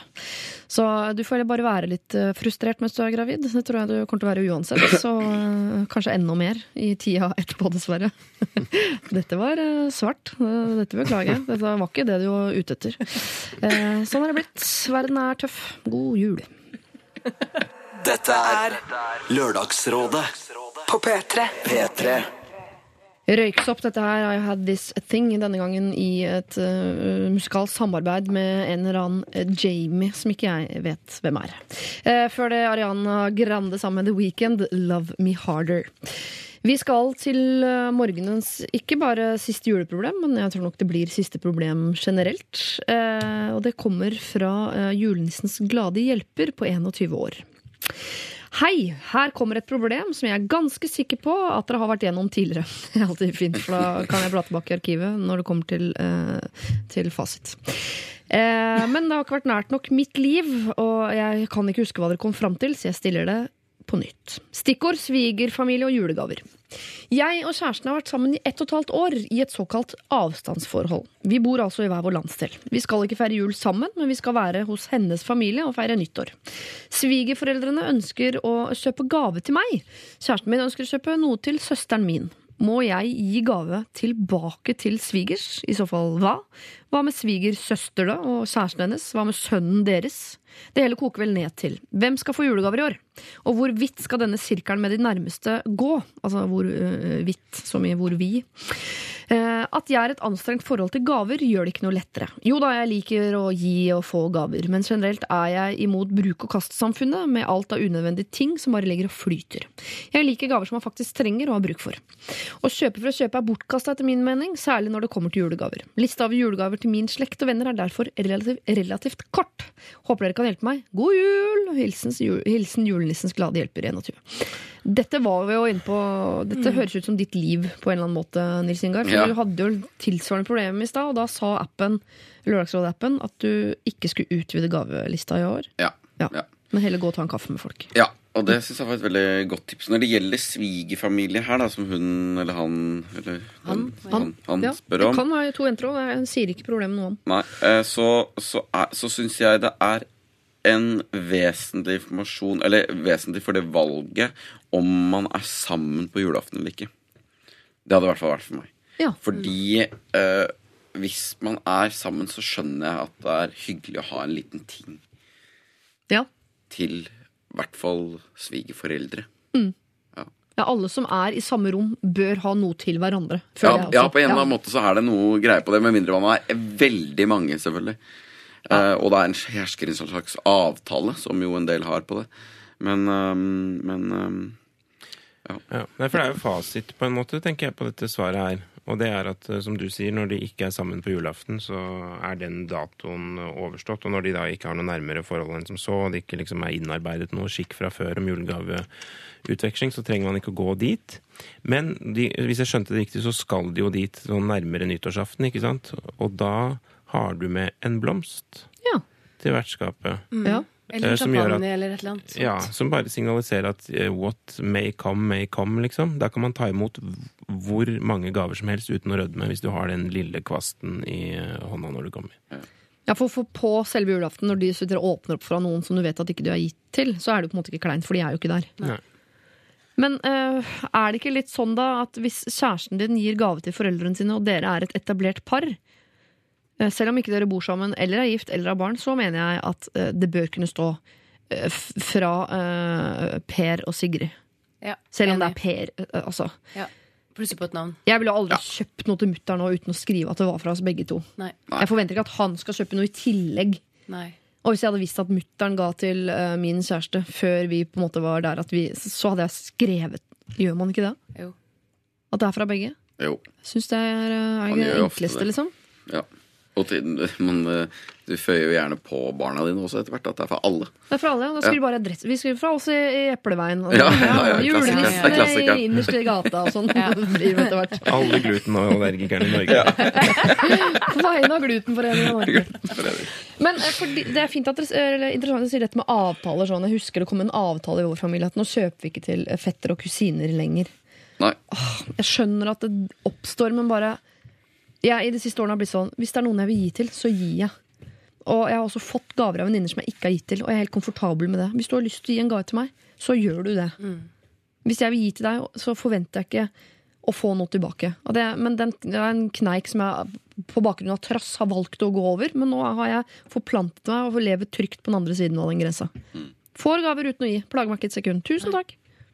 Så skulle det være vanskelig i det hele tatt. Er det det, nei, og så er det vel vanlig å ha en eh, liten bunke med gaver som man porsjonerer ut ettersom folk kommer på døra. Og Nei. skrive på et lite kort til siste liten hvis det trengs. Hva gjør du da? Jeg pleier å kjøpe en liten bunke med bøker, for eksempel. Ja. Som bare gir De ut. som har fått James Wood sin um, Hva er den heter for noe? I hvert fall om, uh, om, om litteratur. Mm. De var ikke tiltenkt noe gave i utgangspunktet. Da vet de det. Ja, Jeg har også et sånt lite gaveskap på lur. Div. ja, med serviettringer og noe pepperkvern og sånn. Ja. Jo, selvfølgelig er det også lov. Jeg bare tenker her Jeg, jeg, syns ikke at du, julenissens glade hjelper, skal kjøpe noe eget til svigerforeldrene dine. Ei heller søster, kjæresten hennes og barna deres foreløpig. Altså, kjæresten din får skrive på deg på kortet.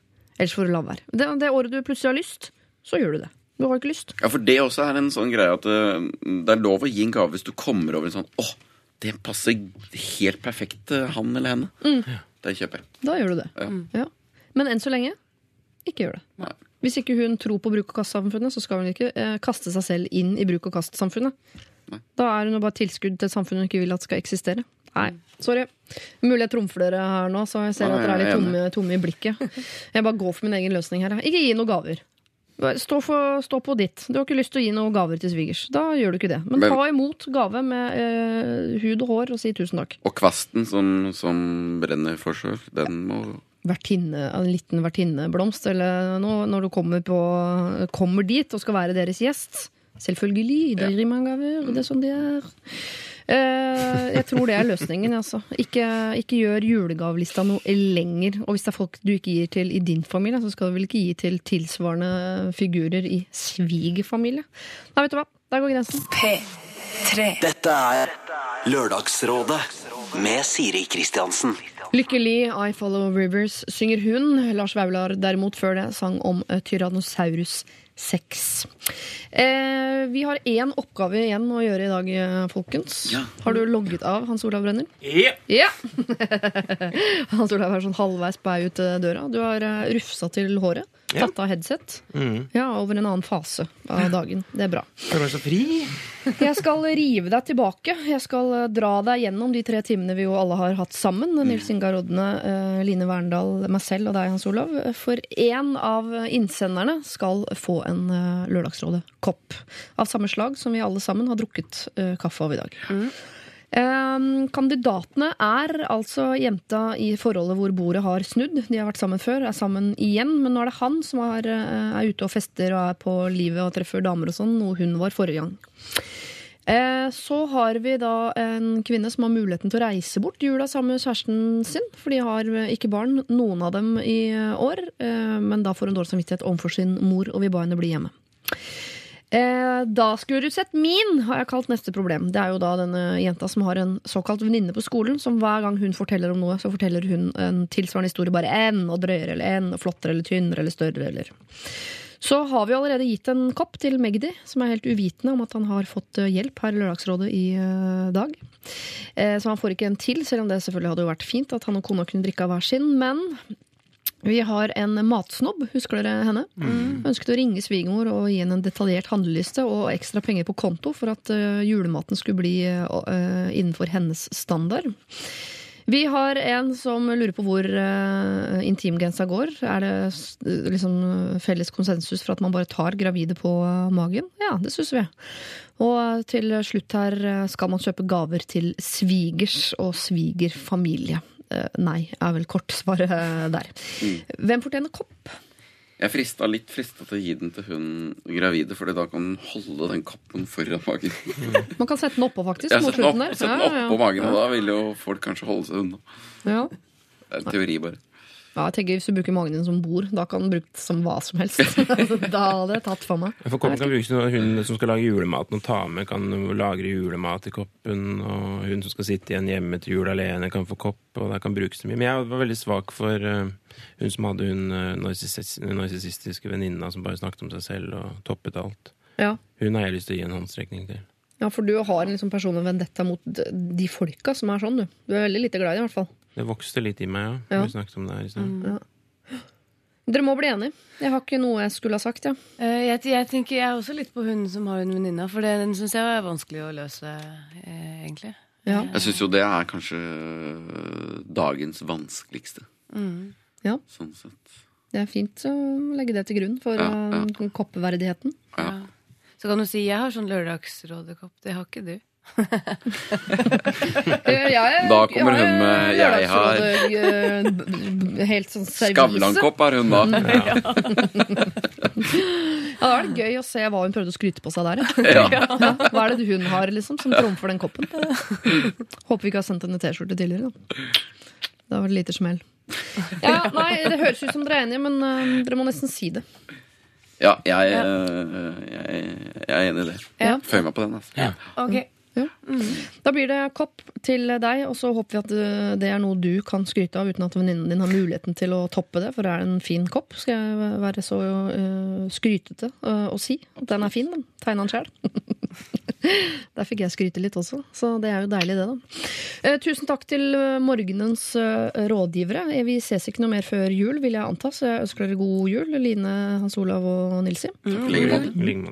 Eh, Men det blir noen flere lørdagsråd fram mot jul, selvfølgelig. Vi er tilbake om en uke. Jeg kan ikke si hvem som er rådgivere, for det legger jeg ut som en gåte på Facebook på tirsdag, der du som løser godten har mulighet til å vinne den samme koppen som denne offeret for skrytevenninne som akkurat har fått. Enn så lenge, hvis du får abstinenser, så gå inn og last ned en podkast eller to, da.